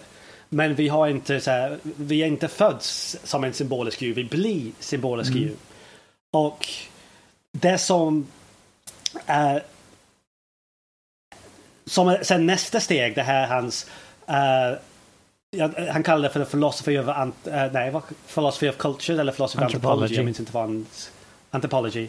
Um, är just att det här är inte isolerat till en människa. Utan att man går från att förstå vad vatten är till exempel. Att vatten, som det här Helen Keller exempel. Att hon förstår att vatten kan vara fler saker med samma namn och, och liknande. Mm. Att en människa kan gå från representativ till symbolisk kunskap. Men det gör, det gör vi i en, i en större historiskt perspektiv också. Att vi, vi utvecklas i kultur. Att vi har en iterativ process att vi bygger på det de tidigare generationer har gjort. Okej, okay, så att helt, eh, bara för att klartydliga, att om en individuell människa idag om en, individ, om en individ inte skulle använda symboler så betyder det inte att den inte är en människa, utan det är människ, mänskligheten så att säga. Ja, för det var någonting som jag hade som en invändning som i så fall kanske inte gäller. För, för det är frågan, äh, men, men, för om det hade varit nödvändiga och tillräckliga villkor så tycks det ju vara omöjligt att tala om människor som inte använder symboler. Eh, då är liksom inte människor och sen börjar vi använda symboler och då blir vi människor. Ja, men jag tror inte det är nödvändiga villkor för att definiera Eh, vad människan är och till skillnad från djur. Så är det djur eller människa? Uh, använder de symboler tillräckligt bra? Uh, jag tror inte det finns en sån test som man skulle kunna göra. Och jag tror inte det spelar så stor roll. Och jag, var, jag, jag tyckte det var lite fascinerande när du, Kristoffer, du sa kapitel 3 var din favorit. Jag tyckte alltid det var den sämsta kapitel i den. För jag tänkte så här, Ja men det är lite så här gammaldags syn att djur inte kan använda symboler. Såklart det är möjligt att kråkor har det här. Jag tror det är kråkor i Japan som så här, lägg, eh, har, nej det var Argentina tror jag. Där de har olika nötter som de slänger ner på, på gatan som bilen ska köra mm. över. Väntar tills det blir rött ljus. Och sen äter upp dem. Och den här kunskapen har sen spridits. Så det, så det var bara enstaka kråkor som gjorde det först. Och nu är det jättemånga. Mm. Uh, så, så de har verkligen lärt sig och det har gått flera generationer nu och det är många som gör det. Så där tycker jag det finns det en kulturell... Men anledningen till att jag tyckte kapitlet var så bra var inte i första hand att han hade rätt i allting eller så, att jag, utan det var bara att jag, hans sätt att argumentera och jobba där är någonting som jag eh, förstår och kan ta till mig och säga. Jag, jag, jag, jag, jag vet, men uh, men det, sen det här andra biten om kultur, om, om just kultur och det, den kulturella utvecklingen är uh, så extremt viktigt för, för hans filosofi också. Det är inte bara det här möjligheten, symbolerna, men det är hur med tid kulturer verkar ändras sin, alltså hur de definierar sig själva i världen. Så att om man tänker så här hur, hur olika mytologier förändras. Till exempel, och det, och det, det finns ju motexempel till det här men att hur man gick från till exempel den romerska och grekiska Eh, polyteismen med många gudar till den kristna monoteismen. Eh, den tendensen att bli förenklade eh, i, i, den transitionen och sen även kanske nu till vår tron på vetenskap mer än vår tron på en monoteistisk gud skulle kunna också vara nästa steg i, i den kulturella utvecklingen möjligtvis. Um, så, så Eh, det är sådana trender som han försöker fånga upp i kulturer som kanske är svårt att bevisa om det är sant eller inte men man kan definitivt säga till exempel att barnen idag som föds med iPhones har ett annat sätt att se på teknologin än uh, vi som uh, växte upp med mobiltelefoner och sen kanske de innan som inte ens hade mobiltelefoner när de var yngre. Så, så, så, den, så det, att det finns ett sätt som ändras hur man ser på världen på grund av det man har omkring sig. De uh, berättelser vi har. De, så här, om hur vi lär ut vår, till våra barn. Så här, vissa kanske tror på astrologi för att de växer upp i en liten kultur där astrologi stämmer. Uh, där man tror att det stämmer. Varför försvinner astrologi? Ah. Tror att det stämmer, ja, eller stämmer för dem. Ska man också kunna få in. Men det beror på hur man har sin epistemologi. Um, så Och, om man eh, tror på astrologi och sen man slutar tro på astrologi, eller kan, är, det, är det en tendens eller är det möjligt att man kan inte tro på astrologi och sen börja tro på astrologi? Uh, varför skulle göra man det eller varför gör man inte det? Det känns att det finns en större antal människor som kanske börjar med tro på astrologi som slutar tro på astrologi. Än som inte tror på det sen börjar tro på det. det men det, det har, har jag ingen empiriskt bevis på men det är bara en känsla.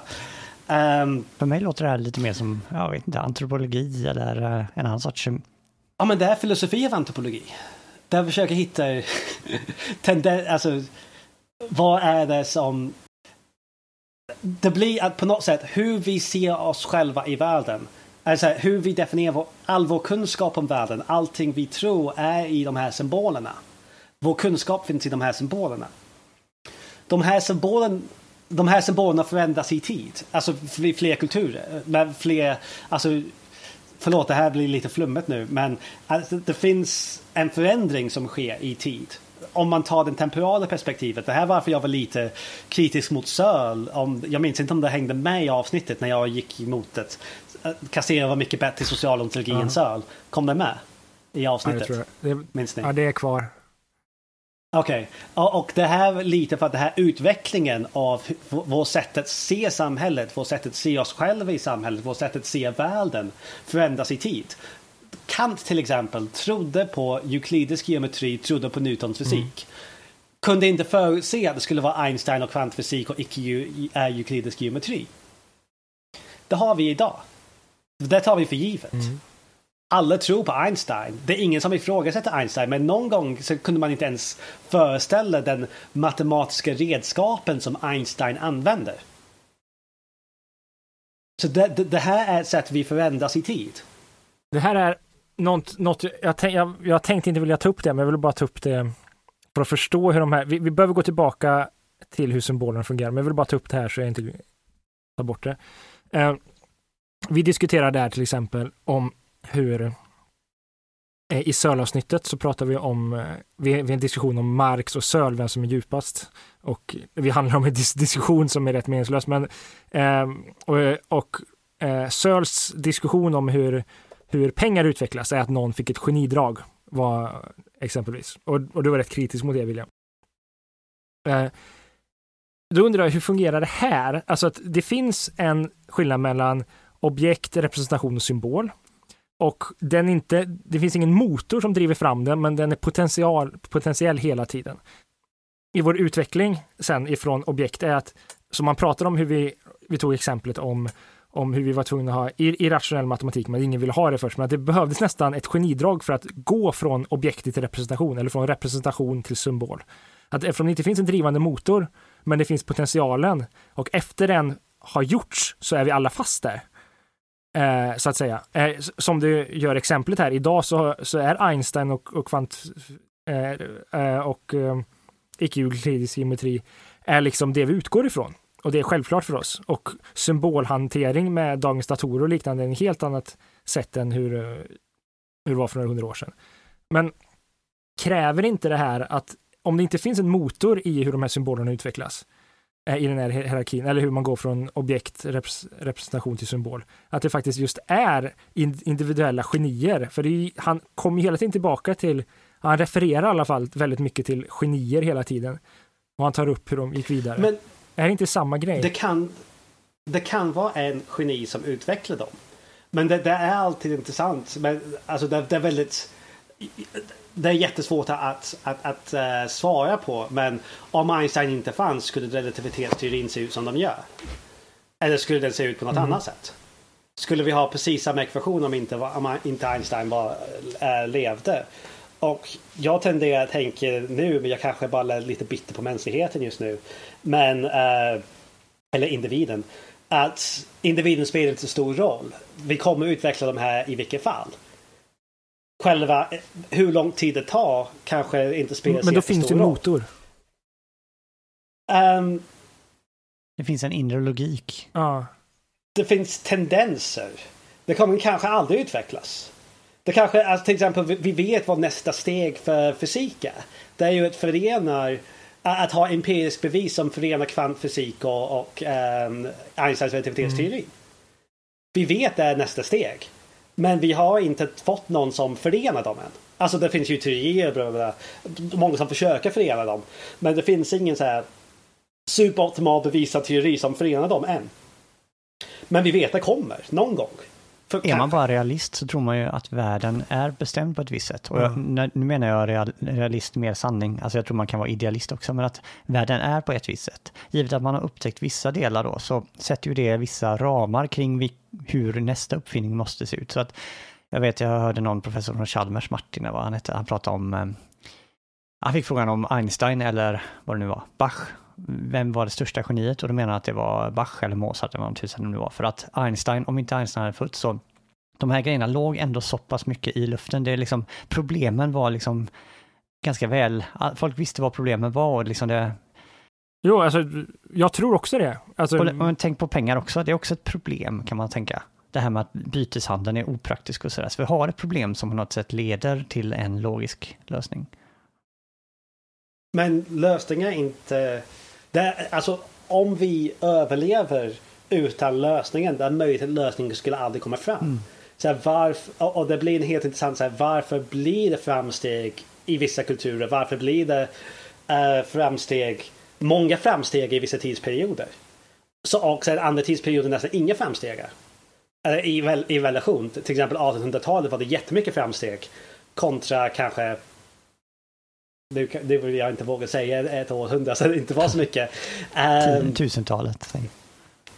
Ja, men det kanske fanns. Ja, men ja, vi säger till tusentalet. Så vi, vi tar gemensamt. 700, 700-talet var ju, då var det ju nästan, eller 600, det var ju nästan bara krig och elände. Ingen hade tid att... Ja. Men, um, så, så, så um, det finns vissa tidsperioder där det verkar finns skulle kunna någon slags burst av uh, teknologi, teknologisk, vetenskaplig, konstnärlig utveckling. Mm. Och ibland inte. Kan man förutse när de här burst skulle ske? När de här stora framgångarna kommer att ske? Och jag tror det blir svårt att förutse dem. Um. Så, så, även om man vet vad nästa steg kommer vara, det är ganska svårt att gissa när det kommer hända. För, för det behövs någon som har en som kan ställa sig över sin kultur, så att säga och gå från representation, representation till symbol eller från symbol till nästa nivå symbol på ett sätt som de andra i kulturen inte gör. Men att just den kom är rätt naturligt. Alltså det beror på, alltså, det finns en intern logik, det, det finns en, det finns en möjlig utveckling som man kan se är kanske efterkonstruera och kanske gissa vad nästa steget kommer bli. Men det är jättesvårt att gissa vad det kommer vara om ja. tusen år. Eller hundra år. Men man kanske ser svaret till nästa problem. Som man tar exempel med vetenskap. De, de flesta vetenskaper hade, hade någon mysticistisk vetenskaplig del där man använde mer representationer än symboler. Till exempel vi hade astrologi och vi hade alkemi. De båda pratade mycket mer om instinkter och eh, intuitioner hos saker och ting. Medan nu har vi abstrakterat bort dem och gått till en mer ren vetenskap där vi ist istället pratar om mer antropologiska, mänskliga delar som att det finns tankar, eh, det finns önskningar så att säga i, i, mm, i, i, i det kemiska eller i, mm, i det kosmiska så att säga. Så har vi gått ifrån det och förklarar det snarare i mer matematiska termer. Det, och, och det är eftersom all, han som var menade, de flesta eh, vetenskapliga ämnen har haft en sån, så kan man se att det är en, en logisk. Mm. Ja, men det är också möjligt att vår nästa steg är total förfall. Och vi går tillbaka till någon slags mysticism. Mm. Ja, det, det, det, är möjligt. Alltså det är inte så här att vi kan, inte kan gissa att framtiden kommer bara vara underbart. För nu, nu har vi då poängterat, vi har berättat lite om symboler och det här är ju det viktiga, det är ju därför, det vi går igenom nu är ju det viktiga med, det är det han vill få fram, det är det hans poäng med det hela är. Men har vi, är vi, känner vi inte så nöjda med förklaringen av vad symbol är? Jag är fortfarande, jag undrar massa saker. Och jag tycker bra. många av de här frågorna vi har diskuterat nu i slutet, jag växlar hela tiden och det här är nog ingenting jag vill lägga tid på. Men jag funderar ofta på om det är filosofi eller om det är snarare någonting annat, antropologi eller en empirisk fråga. Så här, vad, vilka tankar föder olika samhällen och så här. Och på ett sätt kan jag tycka att det inte är så märkvärdigt att poängen, ja, olika kulturer kommer att resulterar i att vi har olika trosuppfattningar. Alltså den kulturen vi lever i kommer påverka vad vi tycker och tänker. För mig är inte det så eh, oväntat. Jag tycker en mer brännande filosofisk fråga är mer symboler på ett mer, vad är symboler och sådär. Alltså mer, eh, inte där vilka konkreta symboler kommer växa fram i de här samhällena, utan snarare vad är symbol för någon sorts grej egentligen? Att det är en skojigare fråga. Ja. Jag tycker båda är intressant för um, även om man säger ja men vi påverkas av vår kultur och liknande. Ja, vissa skulle inte, vissa tycker det är en kontroversiell fråga men jag tycker det är ganska uppenbart. Men det blir även att vi har en symbolisk bagage med oss. För att vi har utvecklat våra symboler på, på grund av ett viss, med en viss historia. Och, och genom att förstå varför vi har utvecklat vissa saker. Ska, äh, ska man bara behandla oss själva nu som upplysta matematiska vetenskapliga djur som använder symboler för att lösa allting? Förstår vi oss själva då? Förstår vi människan genom om vi bara analyserar oss nu? Och det här var min invändning mot Söv. Om man ska bara försöka isolera sociala institutioner idag hur de fungerar idag och skita i deras utveckling. Förstår vi verkligen dem? Jag förstår fortfarande inte riktigt den här frågan. Förstår vi människan? Vad är, vad är det du frågar efter? Förstå, alltså, förstå, alltså om vi skulle kunna förklara alla våra sociala institutioner idag. Har vi, är det tillräckligt för att, för, för att säga att vi förstår allting om våra sociala institutioner eller behöver vi veta hur de har utvecklats?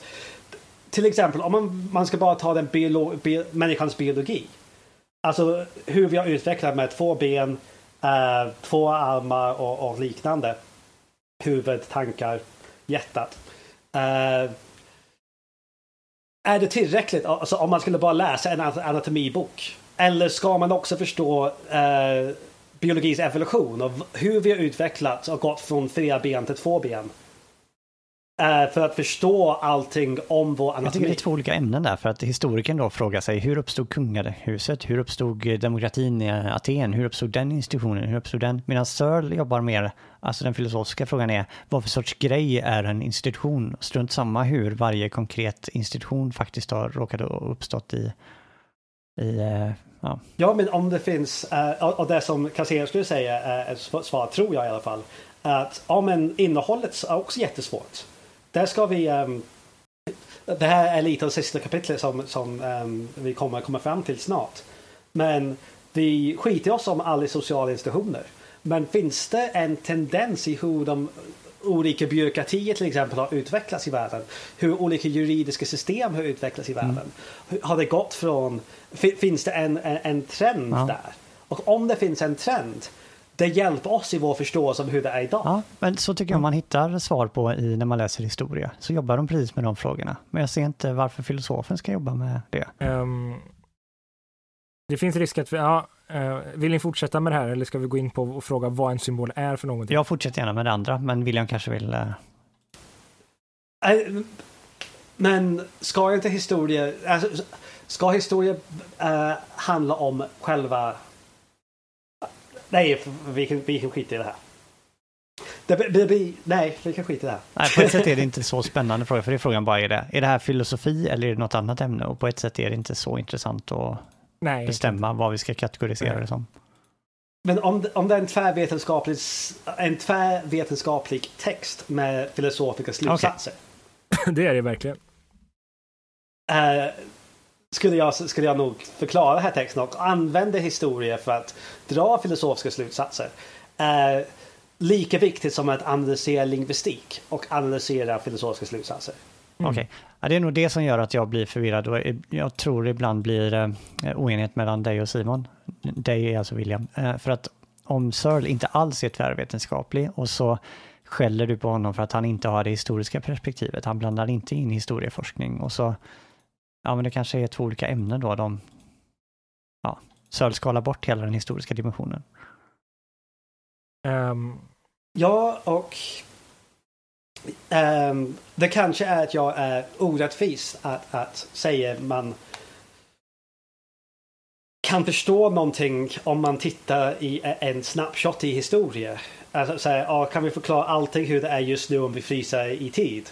Men jag tycker att man, en dynamisk perspektiv kommer alltid vara överlägsen till en, en statisk perspektiv. Och det, det, jag vet inte om jag kan försvara den direkt varför just nu men eh, för, för att den tar hänsyn både till dåtid, nutid och möjligtvis framtid än bara att förklara hur saker ligger till just nu som kanske är specialfall eller liknande. Man kan ju tänka sig ett sätt som det är ganska uppenbart du säger. Jag menar, någon som har lärt, som är helt grym på filosofi och dessutom är helt grym på historia, är väl, förstår väl mer världen och mänskligheten än en som bara har läst filosofi kan man ju tänka sig. Ja. Gött. Ska vi gå in på vad en symbol är för något?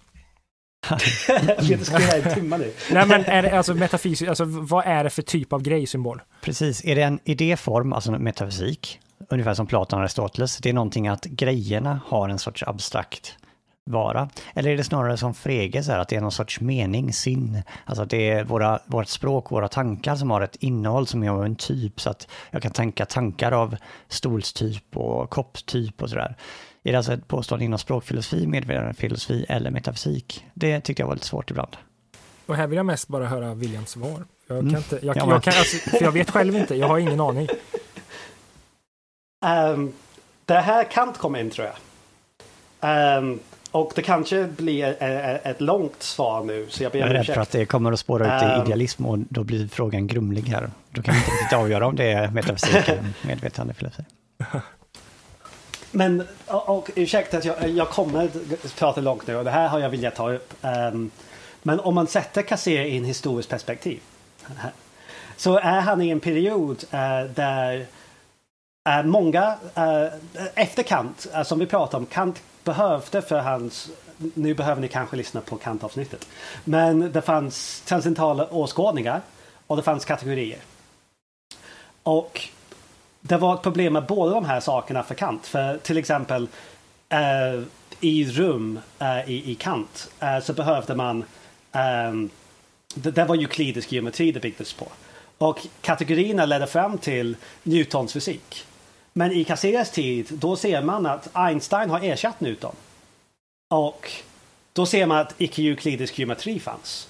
Så det fanns olika sätt man kunde lösa det här och i kantinismen det finns många spännande lösningar där man till exempel säger ja men vår utgångspunkt kanske är euklidisk geometri.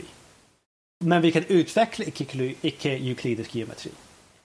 Eller det finns andra, andra alternativ. Kategorierna kanske är relativa. Det kanske är så att det finns ingen fast kategori men man kanske har kulturberoende kategorier. I Kas- då, det är både de transcendentala åskådningarna som är relativa och de kategorierna som är relativa. Och de olika formerna har olika eh, tid och rum.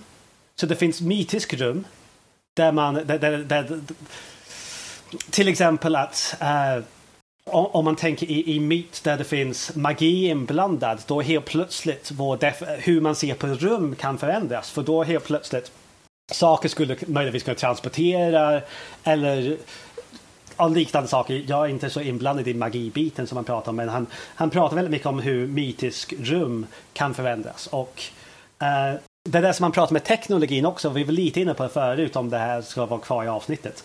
Att eh, rum kan förändras med teknologi, ens kroppsschema kan förändras på grund av sin teknologi man har. Så då, då teknologirummet kan, för, kan förändras. Och även kategorierna, alltså o, mytisk orsak behöver bara så här, en svag koppling.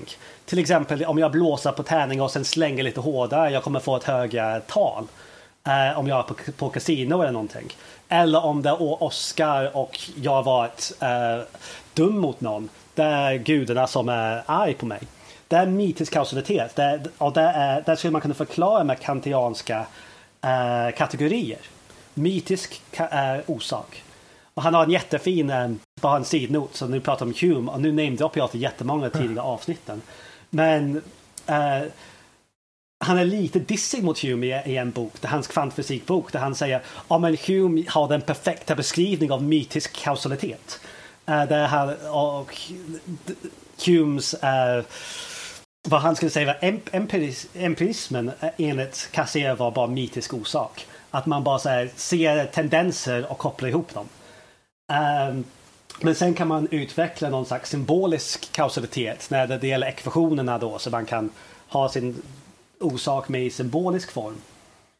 Um, så för att svara på er fråga då är det är idéer. Är vad symboler är. Och det, det, det använder det här kantianska ramverk av åskådningar och kategorier som är dynamiska och som utvecklas i kulturer som är beroende på kulturerna. Som, som säger vilka kategorier och åskådningar man har. Som kan också förändras beroende på, alltså i olika kontexter. Uh, och det är de idéerna som vi får fram som kan sen också läggas fram i en symbolisk värld som vi delar med andra människor. Om vi tar ett mm. konkret exempel så glaset jag har framför mig. Förlåt.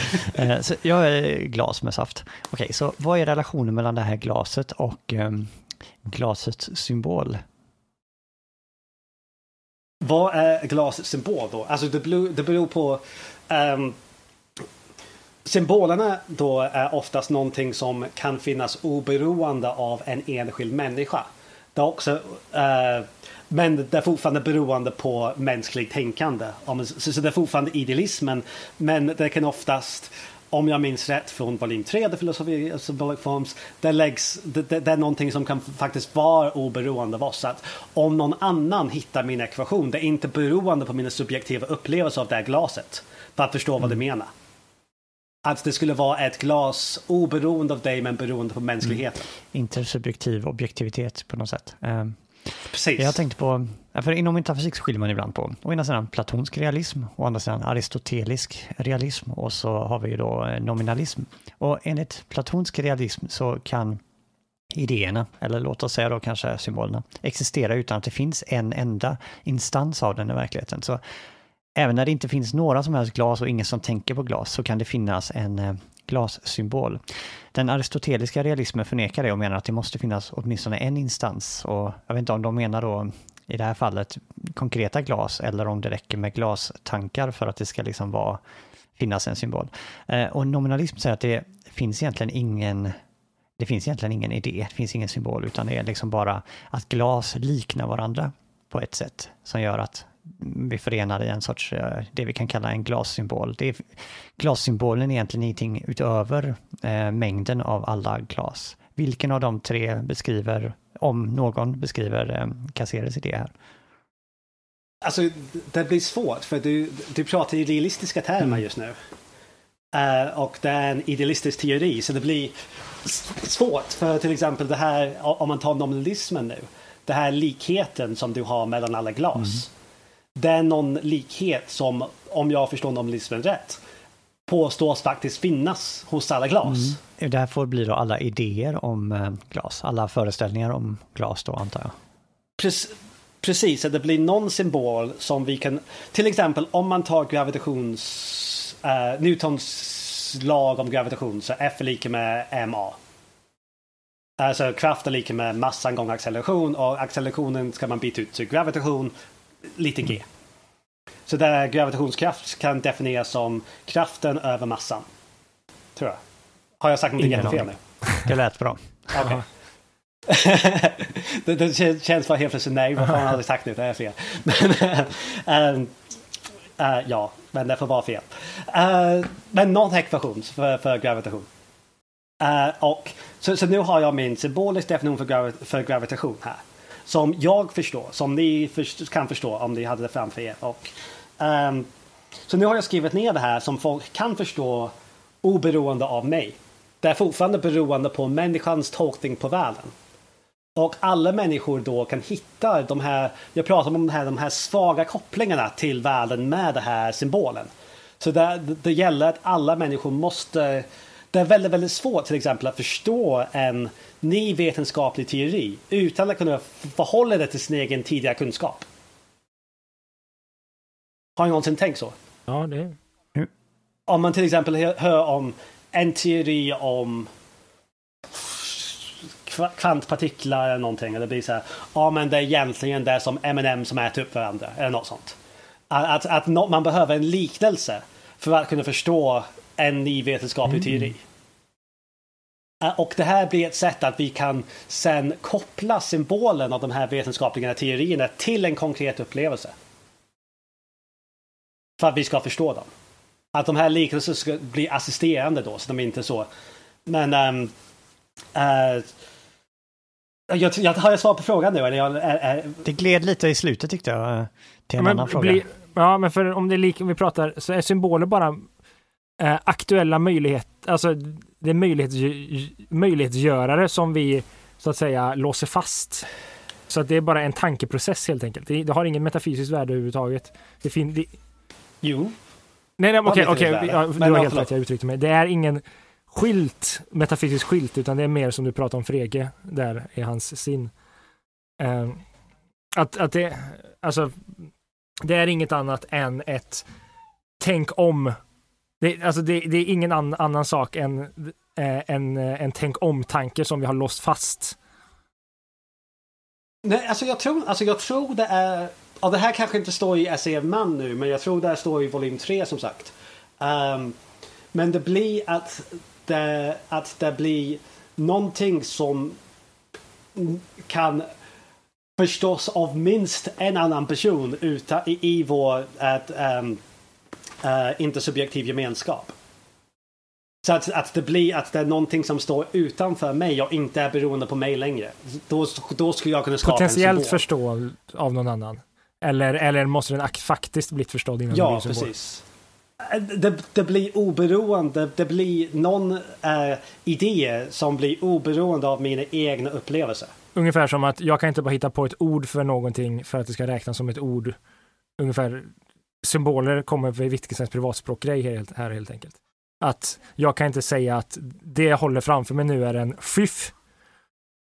För att det betyder ingenting, men det betyder någonting när någon annan kan fatta vad fiff är för något.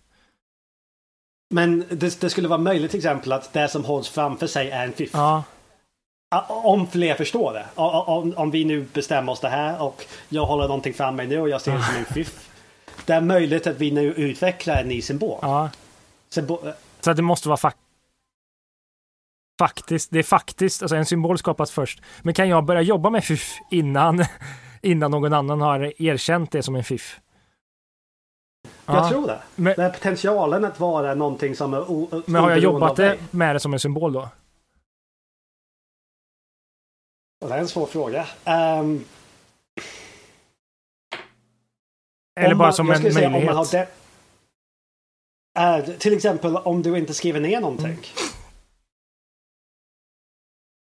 Men har det, alltså, det blir svårt. Men jag skulle säga det, mm, svaret mm, är ja. Det, då förstår jag lite mer. Kristoffers tystnad gissar jag indikation på att vi har pratat om saker du tycker är helt ointressant. Nej, det är ja, svåra. Eller att han inte förstår. Det är svårt det här med symboler faktiskt. Eh, just för att det är i ett sånt eh, idealistiskt ramverk gör det för mig lite svårare att eh, tänka så här, ja, men vad är det egentligen? Vad betyder detta egentligen? Men okej, okay, de definieras i relation till andra symboler. Det är det som, om jag minns volym 1 tror jag, är det som, uh, som förklarar är, är, är det som för, förklarar det. Uh, till exempel, om man tänker en, um, en ordbok uh -huh.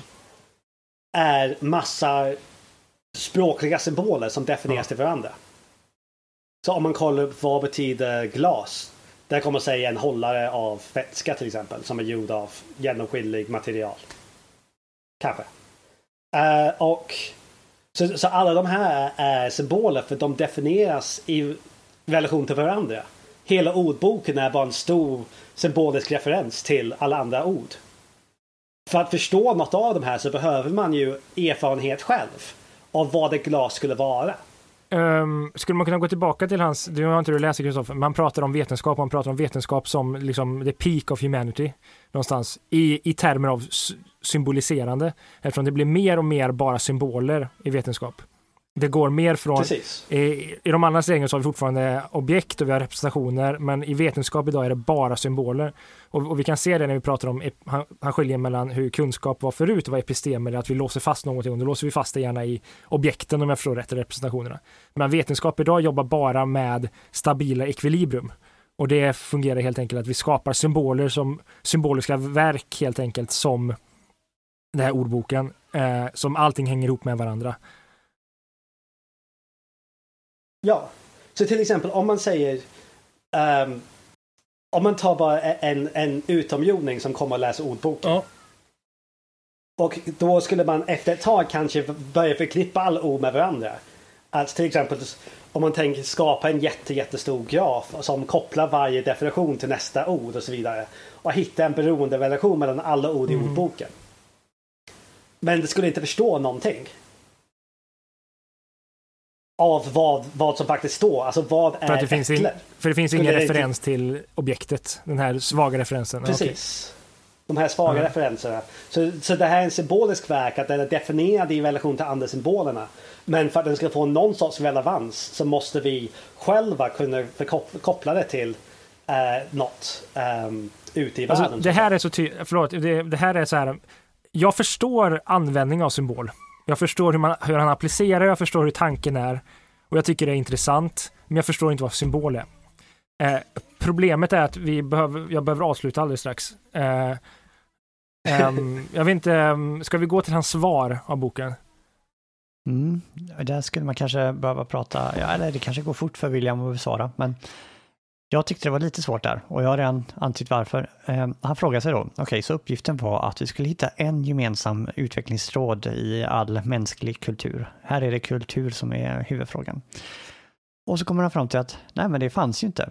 Eh, och sen vissa skolor eh, skulle säkert kunna, ja, han pratar om att hade vi gjort historia och sånt där så skulle vi bara kunnat lista massa fakta men nu ska vi hitta någonting som förenar allting. Det är filosofin, filosofens uppgift. Philosophical analysis sets itself a different task. Uh, okay. Uh, its starting point and its working hypothesis are embodied in the conviction that the varied and seemingly dispersed race may be gathered together and brought into a common focus. Okej, okay, så att eh, vi ska hitta en gemensam nämnare då, det är liksom målet. Men så kommer han fram till att eh, nej, det gick ju inte att göra. Han har gjort, kollat på de här olika områdena, myt, språk, konst, religion, historia och vetenskap. Och så eh, ser han att nej, det gick inte att göra. Det som gör mig förvånad är att han tycks vara nöjd ändå. För då, då säger han så här, det här tyckte jag var väldigt svårt. Det här är alltså sida 222. Eh, det hjälper i och för sig bara Simon och eh, den eventuella lyssnare som har boken. From a merely ontological or metaphysical point of view, it would be very difficult indeed to refute this thesis. Alltså att det bara är olika. Eh. Okej, okay, så att om han bara hade gjort ontologi och metafysik, då hade det varit kört. Men så lösningen är då någon sorts kantiansk här då antar jag. But for a critical philosophy, the problem assumes another face. Here we are no Here we are under no obligation to prove the substantial unity of man. Man is no longer considered a simple substance which exists in itself and is to be known by itself. Uh, his unity is conceived as a functional unity. Such a unity does not presuppose a homogeneity of the various elements of which it consists. Not merely does it admit of, it even requires a multiplicity, a multiformity of its constituent parts. For this is a dialectic unity, a coexistence of contraries. Uh, va? Så att ja, människan är, det gick inte att få ett svar på vad människan är, för människan är en samling med inre motsägelser. Okej. Okay. Fast, ja, mm. ehm, jag, jag, alltså jag förstår vad han menar där och det kanske tar ett tag att förklara det. Och jag, det, det här är problemet med tysk filosofi under den här perioden egentligen, att man pratar Mm. lite så. Ehm, men om man säger att vad, vad man försökte göra antropologi under hela andra, andra delen av 1900-talet, um, senare delen, är att försöka hitta de här gemenskaperna och försöker säga att det är empati eller så här olika så här, bara så här, spontana begrepp som förenar hela mänskligheten eller hitta någonting universellt. Någonting som är, och till exempel det var, det var lite, så här, någon, lite forskning som kom i media ganska nyligen om typ kyssar, det är inte så universellt. Där typ bara där västvärlden har invaderats så kysser man. Um, så det verkar inte vara någonting i hela mänskligheten som förenar oss. Och det är som Kassera säger, men det verkar så att de här olika sätt att tänka är väldigt annorlunda från varandra. De kan utvecklas oberoende av varandra. De kan utvecklas i olika delar av världen oberoende av varandra. Så vad är det, och då, vad, vad är det som är, är, är det gemensamma som man... Efter hela boken finns det någonting gemensamt. Och det är just det här utvecklande eller möjlighet att utveckla i form av de symboliska formerna. De är oberoende av varandra men de ändå försöker utvecklas mot det symboliska hållet. De kan utvecklas ditåt. Att man kan ha det här utvecklande potentialen i mänskligt tänkandet. Att gå från det konkreta till det universella. Eh, typ mm, så. Okay. Fast är det inte, jag vill bara, jag måste bara snabbt, alltså han, han, han ställer sig frågan, var väldigt intressant William förresten, men du förklarade mycket bättre än jag läste här nu. Eh, vi har frågan, vad är människan? Okej, okay, så kommer han fram till, ja men vi har ett svar, det är, det är en symbol, symboliserande varelse. Sen vill han se så vill han förstå människan på ett mer djupare plan. Och tänkte, jag, vi kan inte kolla på Eh, Okej, okay, vad är de konkurrerande teorierna om vad en människa är? Okej, okay, ja, men människan är de som gör skyskrapor. Är inte så intressant. Eh, människan är ett social varelse. Som Aristoteles sa, eller rationell social varelse. Är det är inte så intressant. Det är en symboliserande. Han argumenterar för det, det var en intressant poäng. Men så säger han sen, eh, okej, okay, vi ska utveckla det här och, och, försöka se hur de här symbolerna används. Vi ska inte titta på produkten, för det är inte intressant. Vi ska inte titta på, um, jag tror det är kapitel 6 han pratar om, vi ska inte titta på vad heter det, mm, förutsättningarna. Det är inte heller intressant. Vi ska titta på vad människan gör och då är det uppenbart antropologi. Så vi ska kolla på the works of man helt enkelt. Och de, de ska vi förstå utifrån de här termerna av att människan är en symboliserande. Och då har ni själv liksom bestämt, eftersom om vi bara kollar på arbetet, då har ni liksom förutsatt att vi kommer bara per definition kunna få en funktionell förklaring. Och sen hyllar han upp sig själv, eller förlåt, det var elakt av mig. Men så säger han så här, ja men nu får vi en funktionell eh, förklaring ja, av vad det är. Men det hade han redan lagt ut i själva, han har redan från innan sagt att vi kommer inte kunna få en annan typ av svar. För det första har han sagt att de var ointressanta och sen har han sagt att vi vill inte kolla på de här grejerna. Ja men um Uh, ja, han har ju definitivt alltså, förutsatt hans förklaring i, i, i del två mm. av den här boken som börjar på kapitel 6. Men man kan säga att han har egentligen så här, försökt svara på varför det inte går i, i delen innan, kapitel 1 till 5. Varför en, att börja, till exempel om man äh, tar en person och kollar på alla symboler som den personen har. Så om man tar mig och sen går in och ser all kunskap som jag har räcker det för att förstå människan och människans helhet och allting som vi har gjort som, är, som en, en uh, mm. djur? Och han skulle säga nej. Och jag tror det, det kanske inte framgår så bra men jag, jag tycker det, det, det, kanske bara för att jag läste de andra texter också men jag tycker det är ganska uppenbart att han skulle säga nej, det funkar inte. Förutsättningarna, ja det kanske är intressant men skulle inte vara tillräckligt för att förstå vart vi har gått med den. Och han kanske är lite begging the question i just den, den, den delen kapitel 6 men um, jag, jag, tror han har ger anledningen varför han tar den, den här beskrivningen och försöker säga att vi kollar på vad människan har gjort. Och se, se vad som mm. händer. Se, se vad man kan hitta. Men man kan såklart säga att oh, han har bara plockat the works of man ja. på så här 300 sidor. Uh, det är inte tillräckligt. Man behöver ju fler saker som människor har gjort för att veta om allt du säger nu är, till, är, är nödvändigt. Eller är det så att det kan vara symboliskt till representativ kunskap, att man går bakåt. Och aldrig ha det här representativa först, att man börjar med symboler. Och sen gör, utvecklas bakåt så att säga. Jag, jag vet inte um, om jag kan svara på, på den frågan. Mm. Nej, nej, det är ingen Alltså för att summera lite, alltså problemet här är att det här är ett helt nytt sätt att tänka. Jag, han utgår från grejer som jag skulle vilja ha mer argumenterat, men eftersom den är på ett sätt populärvetenskaplig, den här texten, den är sjukt intressant. Jag uppskattar verkligen den här läsningen, den var väldigt rolig. Um, men för att bli övertygad om till exempel att det finns möjliga rum, du pratar om det mystiska rummet till exempel. Uh, jag förstår vad du säger, men varför det skulle vara en bättre förklaring än att vi använder Kants åskådningsform rum och säger att de trodde bara att rummet betedde sig på det här viset fast det faktiskt var förutsättningarna var det rummet han beskrev. Det är en annan sak. Uh, uh, ja, nej, nej, alltså min, min, min invändning här är snarare att säga att, alltså, eller inte invändning, min är att alltså jag tyckte det var jätteintressant och jag tyckte det var väldigt kul och många av de frågorna jag har eh, har han troligtvis besvarat i, i mer tekniska, i tekniska verk. Och den här var inte tänkt att vara teknisk eh, på det viset. Um, um, och jag tycker ansatsen till att, att, att försöka förklara utvecklingen och liknande är väldigt intressant. Och, eh, via symboler och det är framförallt idag så tror jag det är väldigt aktuellt när vi, när vi är extremt symboliska varelser om man ska kunna säga så. Om man kan säga att vi är mer symboliska idag än vad vi var för 500 år sedan men eh, med hur vi arbetar med, med teknik och liknande. Men eh, eh men som jag sa förut, jag har fortfarande svårt att förstå exakt vad symbol är och, och sådär. Och jag, ja, jag, jag vet inte, jag vill bara säga att jag tyckte det var väldigt intressant. Eh, men men jag har många frågetecken. Ska jag sammanfatta också? Och så William får köra den stora, stora avslutningen. Ja. En timma. Visst.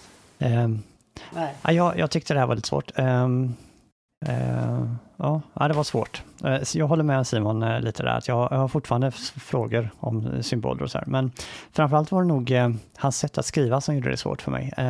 och just i kapitel 3 då, som jag nämnt, och det kommer duttar här och där, så skriver han på ett sätt som jag har lätt att ta ta till mig. Men jag tror det är, som William beskrev det, det tyska sättet att skriva. Det låter fördomsfullt för det finns många tyskar som inte skriver så här, men det är kanske ganska karaktäristiskt för en period i Tyskland att skriva på ett visst sätt. Och jag stöter på meningar som till exempel sida 11 att Man has no nature, no simple or homogeneous being. He is a strange mixture of being and non-being. His place is between these two opposite poles. Och det är inte det. Alltså, problemet är, man får inte läsa det bokstavligt, för då skulle jag hänga upp mig på, va? Det finns alltså, en människa är alltså ett objekt som inte är existerande och inte icke-existerande, utan någonting mitt emellan. Läser man det bokstavligt då så blir det jättedumt. Men det ska man inte, man ska läsa på ett annat sätt. Och till exempel så när jag läste citatet där i slutet så förklarar William vad Cassero menar. Så liksom, okej, okay, i en generös tolkning så går det ju att läsa det och det är säkert så man ska göra, men det är liksom en svårighet för mig. Man läser, är man bokstavlig ibland i sin läsning, speciellt i första kapitlet och det var några andra ställen, så låter det ibland verkligen bara som skitsnack. Och man måste liksom ha ett särskilt par glasögon på sig för att kunna eh, få ut det man ska få ut. Det finns tyvärr en del filosofer som eh, jag tycks föredra i andras tappning. Så till exempel, jag har märkt att jag tycks föredra Merleau-Ponty som Jan Almeng framställer honom. Jag tycks föredra Husserl som David Woodruff Smith framställer honom. Och jag har en liten känsla av att jag föredrar Cassere så som William beskriver honom, än att läsa honom. Jag tyckte många gånger när jag hade saker som Cassere, jag, jag, jag gillade inte hans sätt att uttrycka det, jag förstod det inte och så berättade William så hade jag mycket lättare att ta till mig det. Så eh, kanske jag kan se en sån filosof som jag vill ha i andra hand. Ja, då rekommenderar jag um, John Michael Croys 18, nej, nej, inte 1887, 1987 mm. bok okay. som heter Kassere. Du skulle säga att du rekommenderar um, min bok jag, jag kommer skriva. ja, den med någon gång. Uh, det, det, måste finnas typ över 300 sidor på min dator om Kassere som jag har skrivit. Så det räcker nog någon gång i mitt liv. Um, men för sammanfatta, alltså jag känner igen Simons um, uh, känsla av att läsa det här. För att um, när jag lärde mig, eller här, när jag läste filosofi, jag hade så svårt att gilla något. Alltså som ni kanske har märkt, jag är ganska kritisk av mig. Att jag brukar inte gilla någonting. Uh, och jag hade så svårt, för jag har aldrig träffat någonting som jag säger, men det här, det här är min. Uh, och så när jag läste Cassere så var det så här, det, det, det, var lite när han pratade om being, non-being och jag läste en fenomenologibok idag som han skrev alltså innan det här och han pratar precis så hela tiden och så här, uh, börjar prata om uh, The opposites of being and becoming, of one and many, of matter and form, soul and body, all appear now to have been dissolved into this one completely fundamental antithesis. Jag fattar inte vad det betyder. Um, så, så, så, så, det känns lite som målet är att det finns något här som är verkligen man, man måste uppskatta vad han gjorde som var fånga in så mycket ja. kunskap för, för den tiden. Uh, som jag tycker är så, så vackert. Att det här perspektivet att använda lingvistik och eh, neurovetenskap och antropologi. Alltså det förändrar inte bara så här, mitt sätt att se på saker men också kanske min utbildningssätt, alltså vad jag gjorde sen med mitt liv faktiskt. Att börja gå in på Och läst lingvistik. Så det här på, och jag har läst lingvistik också på grund av det här. Uh, så, så det här är verkligen, och det var, det var direkt på grund av Kassé faktiskt. Jag läste lingvistik. Um, så, så jag, jag har berörts väldigt mycket men jag förstår både Simons uppskattning av det här samtidigt Kristoffers vad fan betyder det här känslan men samtidigt om man har rätt glasögon på och det kanske man inte ska göra man säger men det här borde stå rakt och tydligt. Men jag, jag tycker att i den finns de intressanta teorier som, som, som jag sa förut, alltså, och även Kassera såg, det här är bara en förberedelse på hur det skulle kunna vara och skulle kunna bli en filosofi som är så heltäckande, som är väldigt ovanligt för filosofi idag. Man, man tappar det här systematisk syn ungefär efter Kassera. När han 50, 50-talet och framåt så försvinner det här sättet att tänka. Och jag tycker det är lite synd, för jag, jag gillar det här tänka, tänkasättet väldigt mycket jag vill bara säga alltså att, att, um, att försöka, alltså det krävs en, en übermensch eller övermänniska för att klara av att göra något som Cassera gjorde här. Um, alltså rent det han försökte göra, alltså så många olika ämnen och så mycket han tar igen och försöker besvara så många svåra, stora frågor liksom. Um, jag förstår att det inte har skett för att man har inte tid att göra det. Ja, jag, jag, läste, det kanske var uh, Friedman eller någon annan som, som sa det här men uh, det var en beskrivning som han var den sista filosof som kunde allt. Mm. Var en beskrivning av honom. Jag tyckte det var ganska passande. Mm. För till exempel Kant kunde allt som fanns i hans, eller det viktigaste tankesätt. Men sen med, med, med, tid så har vi fått fler och fler, fler kunskaper. Ämnen blir ja, mer och mer komplex. Uh, men han var den sista som kunde så här, försöka verkligen prata om allt och fånga in i det, allting i hans filosofi. Hmm. Ja, det, lig det ligger något i det. Um, Men vad ja, så det var filosofi. Ja, det, var det är synd att jag, att jag var tvungen att, att, att avsluta nu, eh, för att det, det känns som jag, jag inte gjorde honom rättvisa i alla fall. Eh, men jag, jag står fortfarande för min kritik. Men, eh men hade gärna velat fått mjölka ut mer ur, ur texten och ur dig William ur det här. Vi kan ta en kassera två återkomsten om ett år. Men, men teknisk ja. har, du, har ni något mer att säga? Jag är nöjd. Är du nöjd? Eh, tack så mycket. Tack själva. Ja. Ha det gott. Bye. Bye, bye. bye.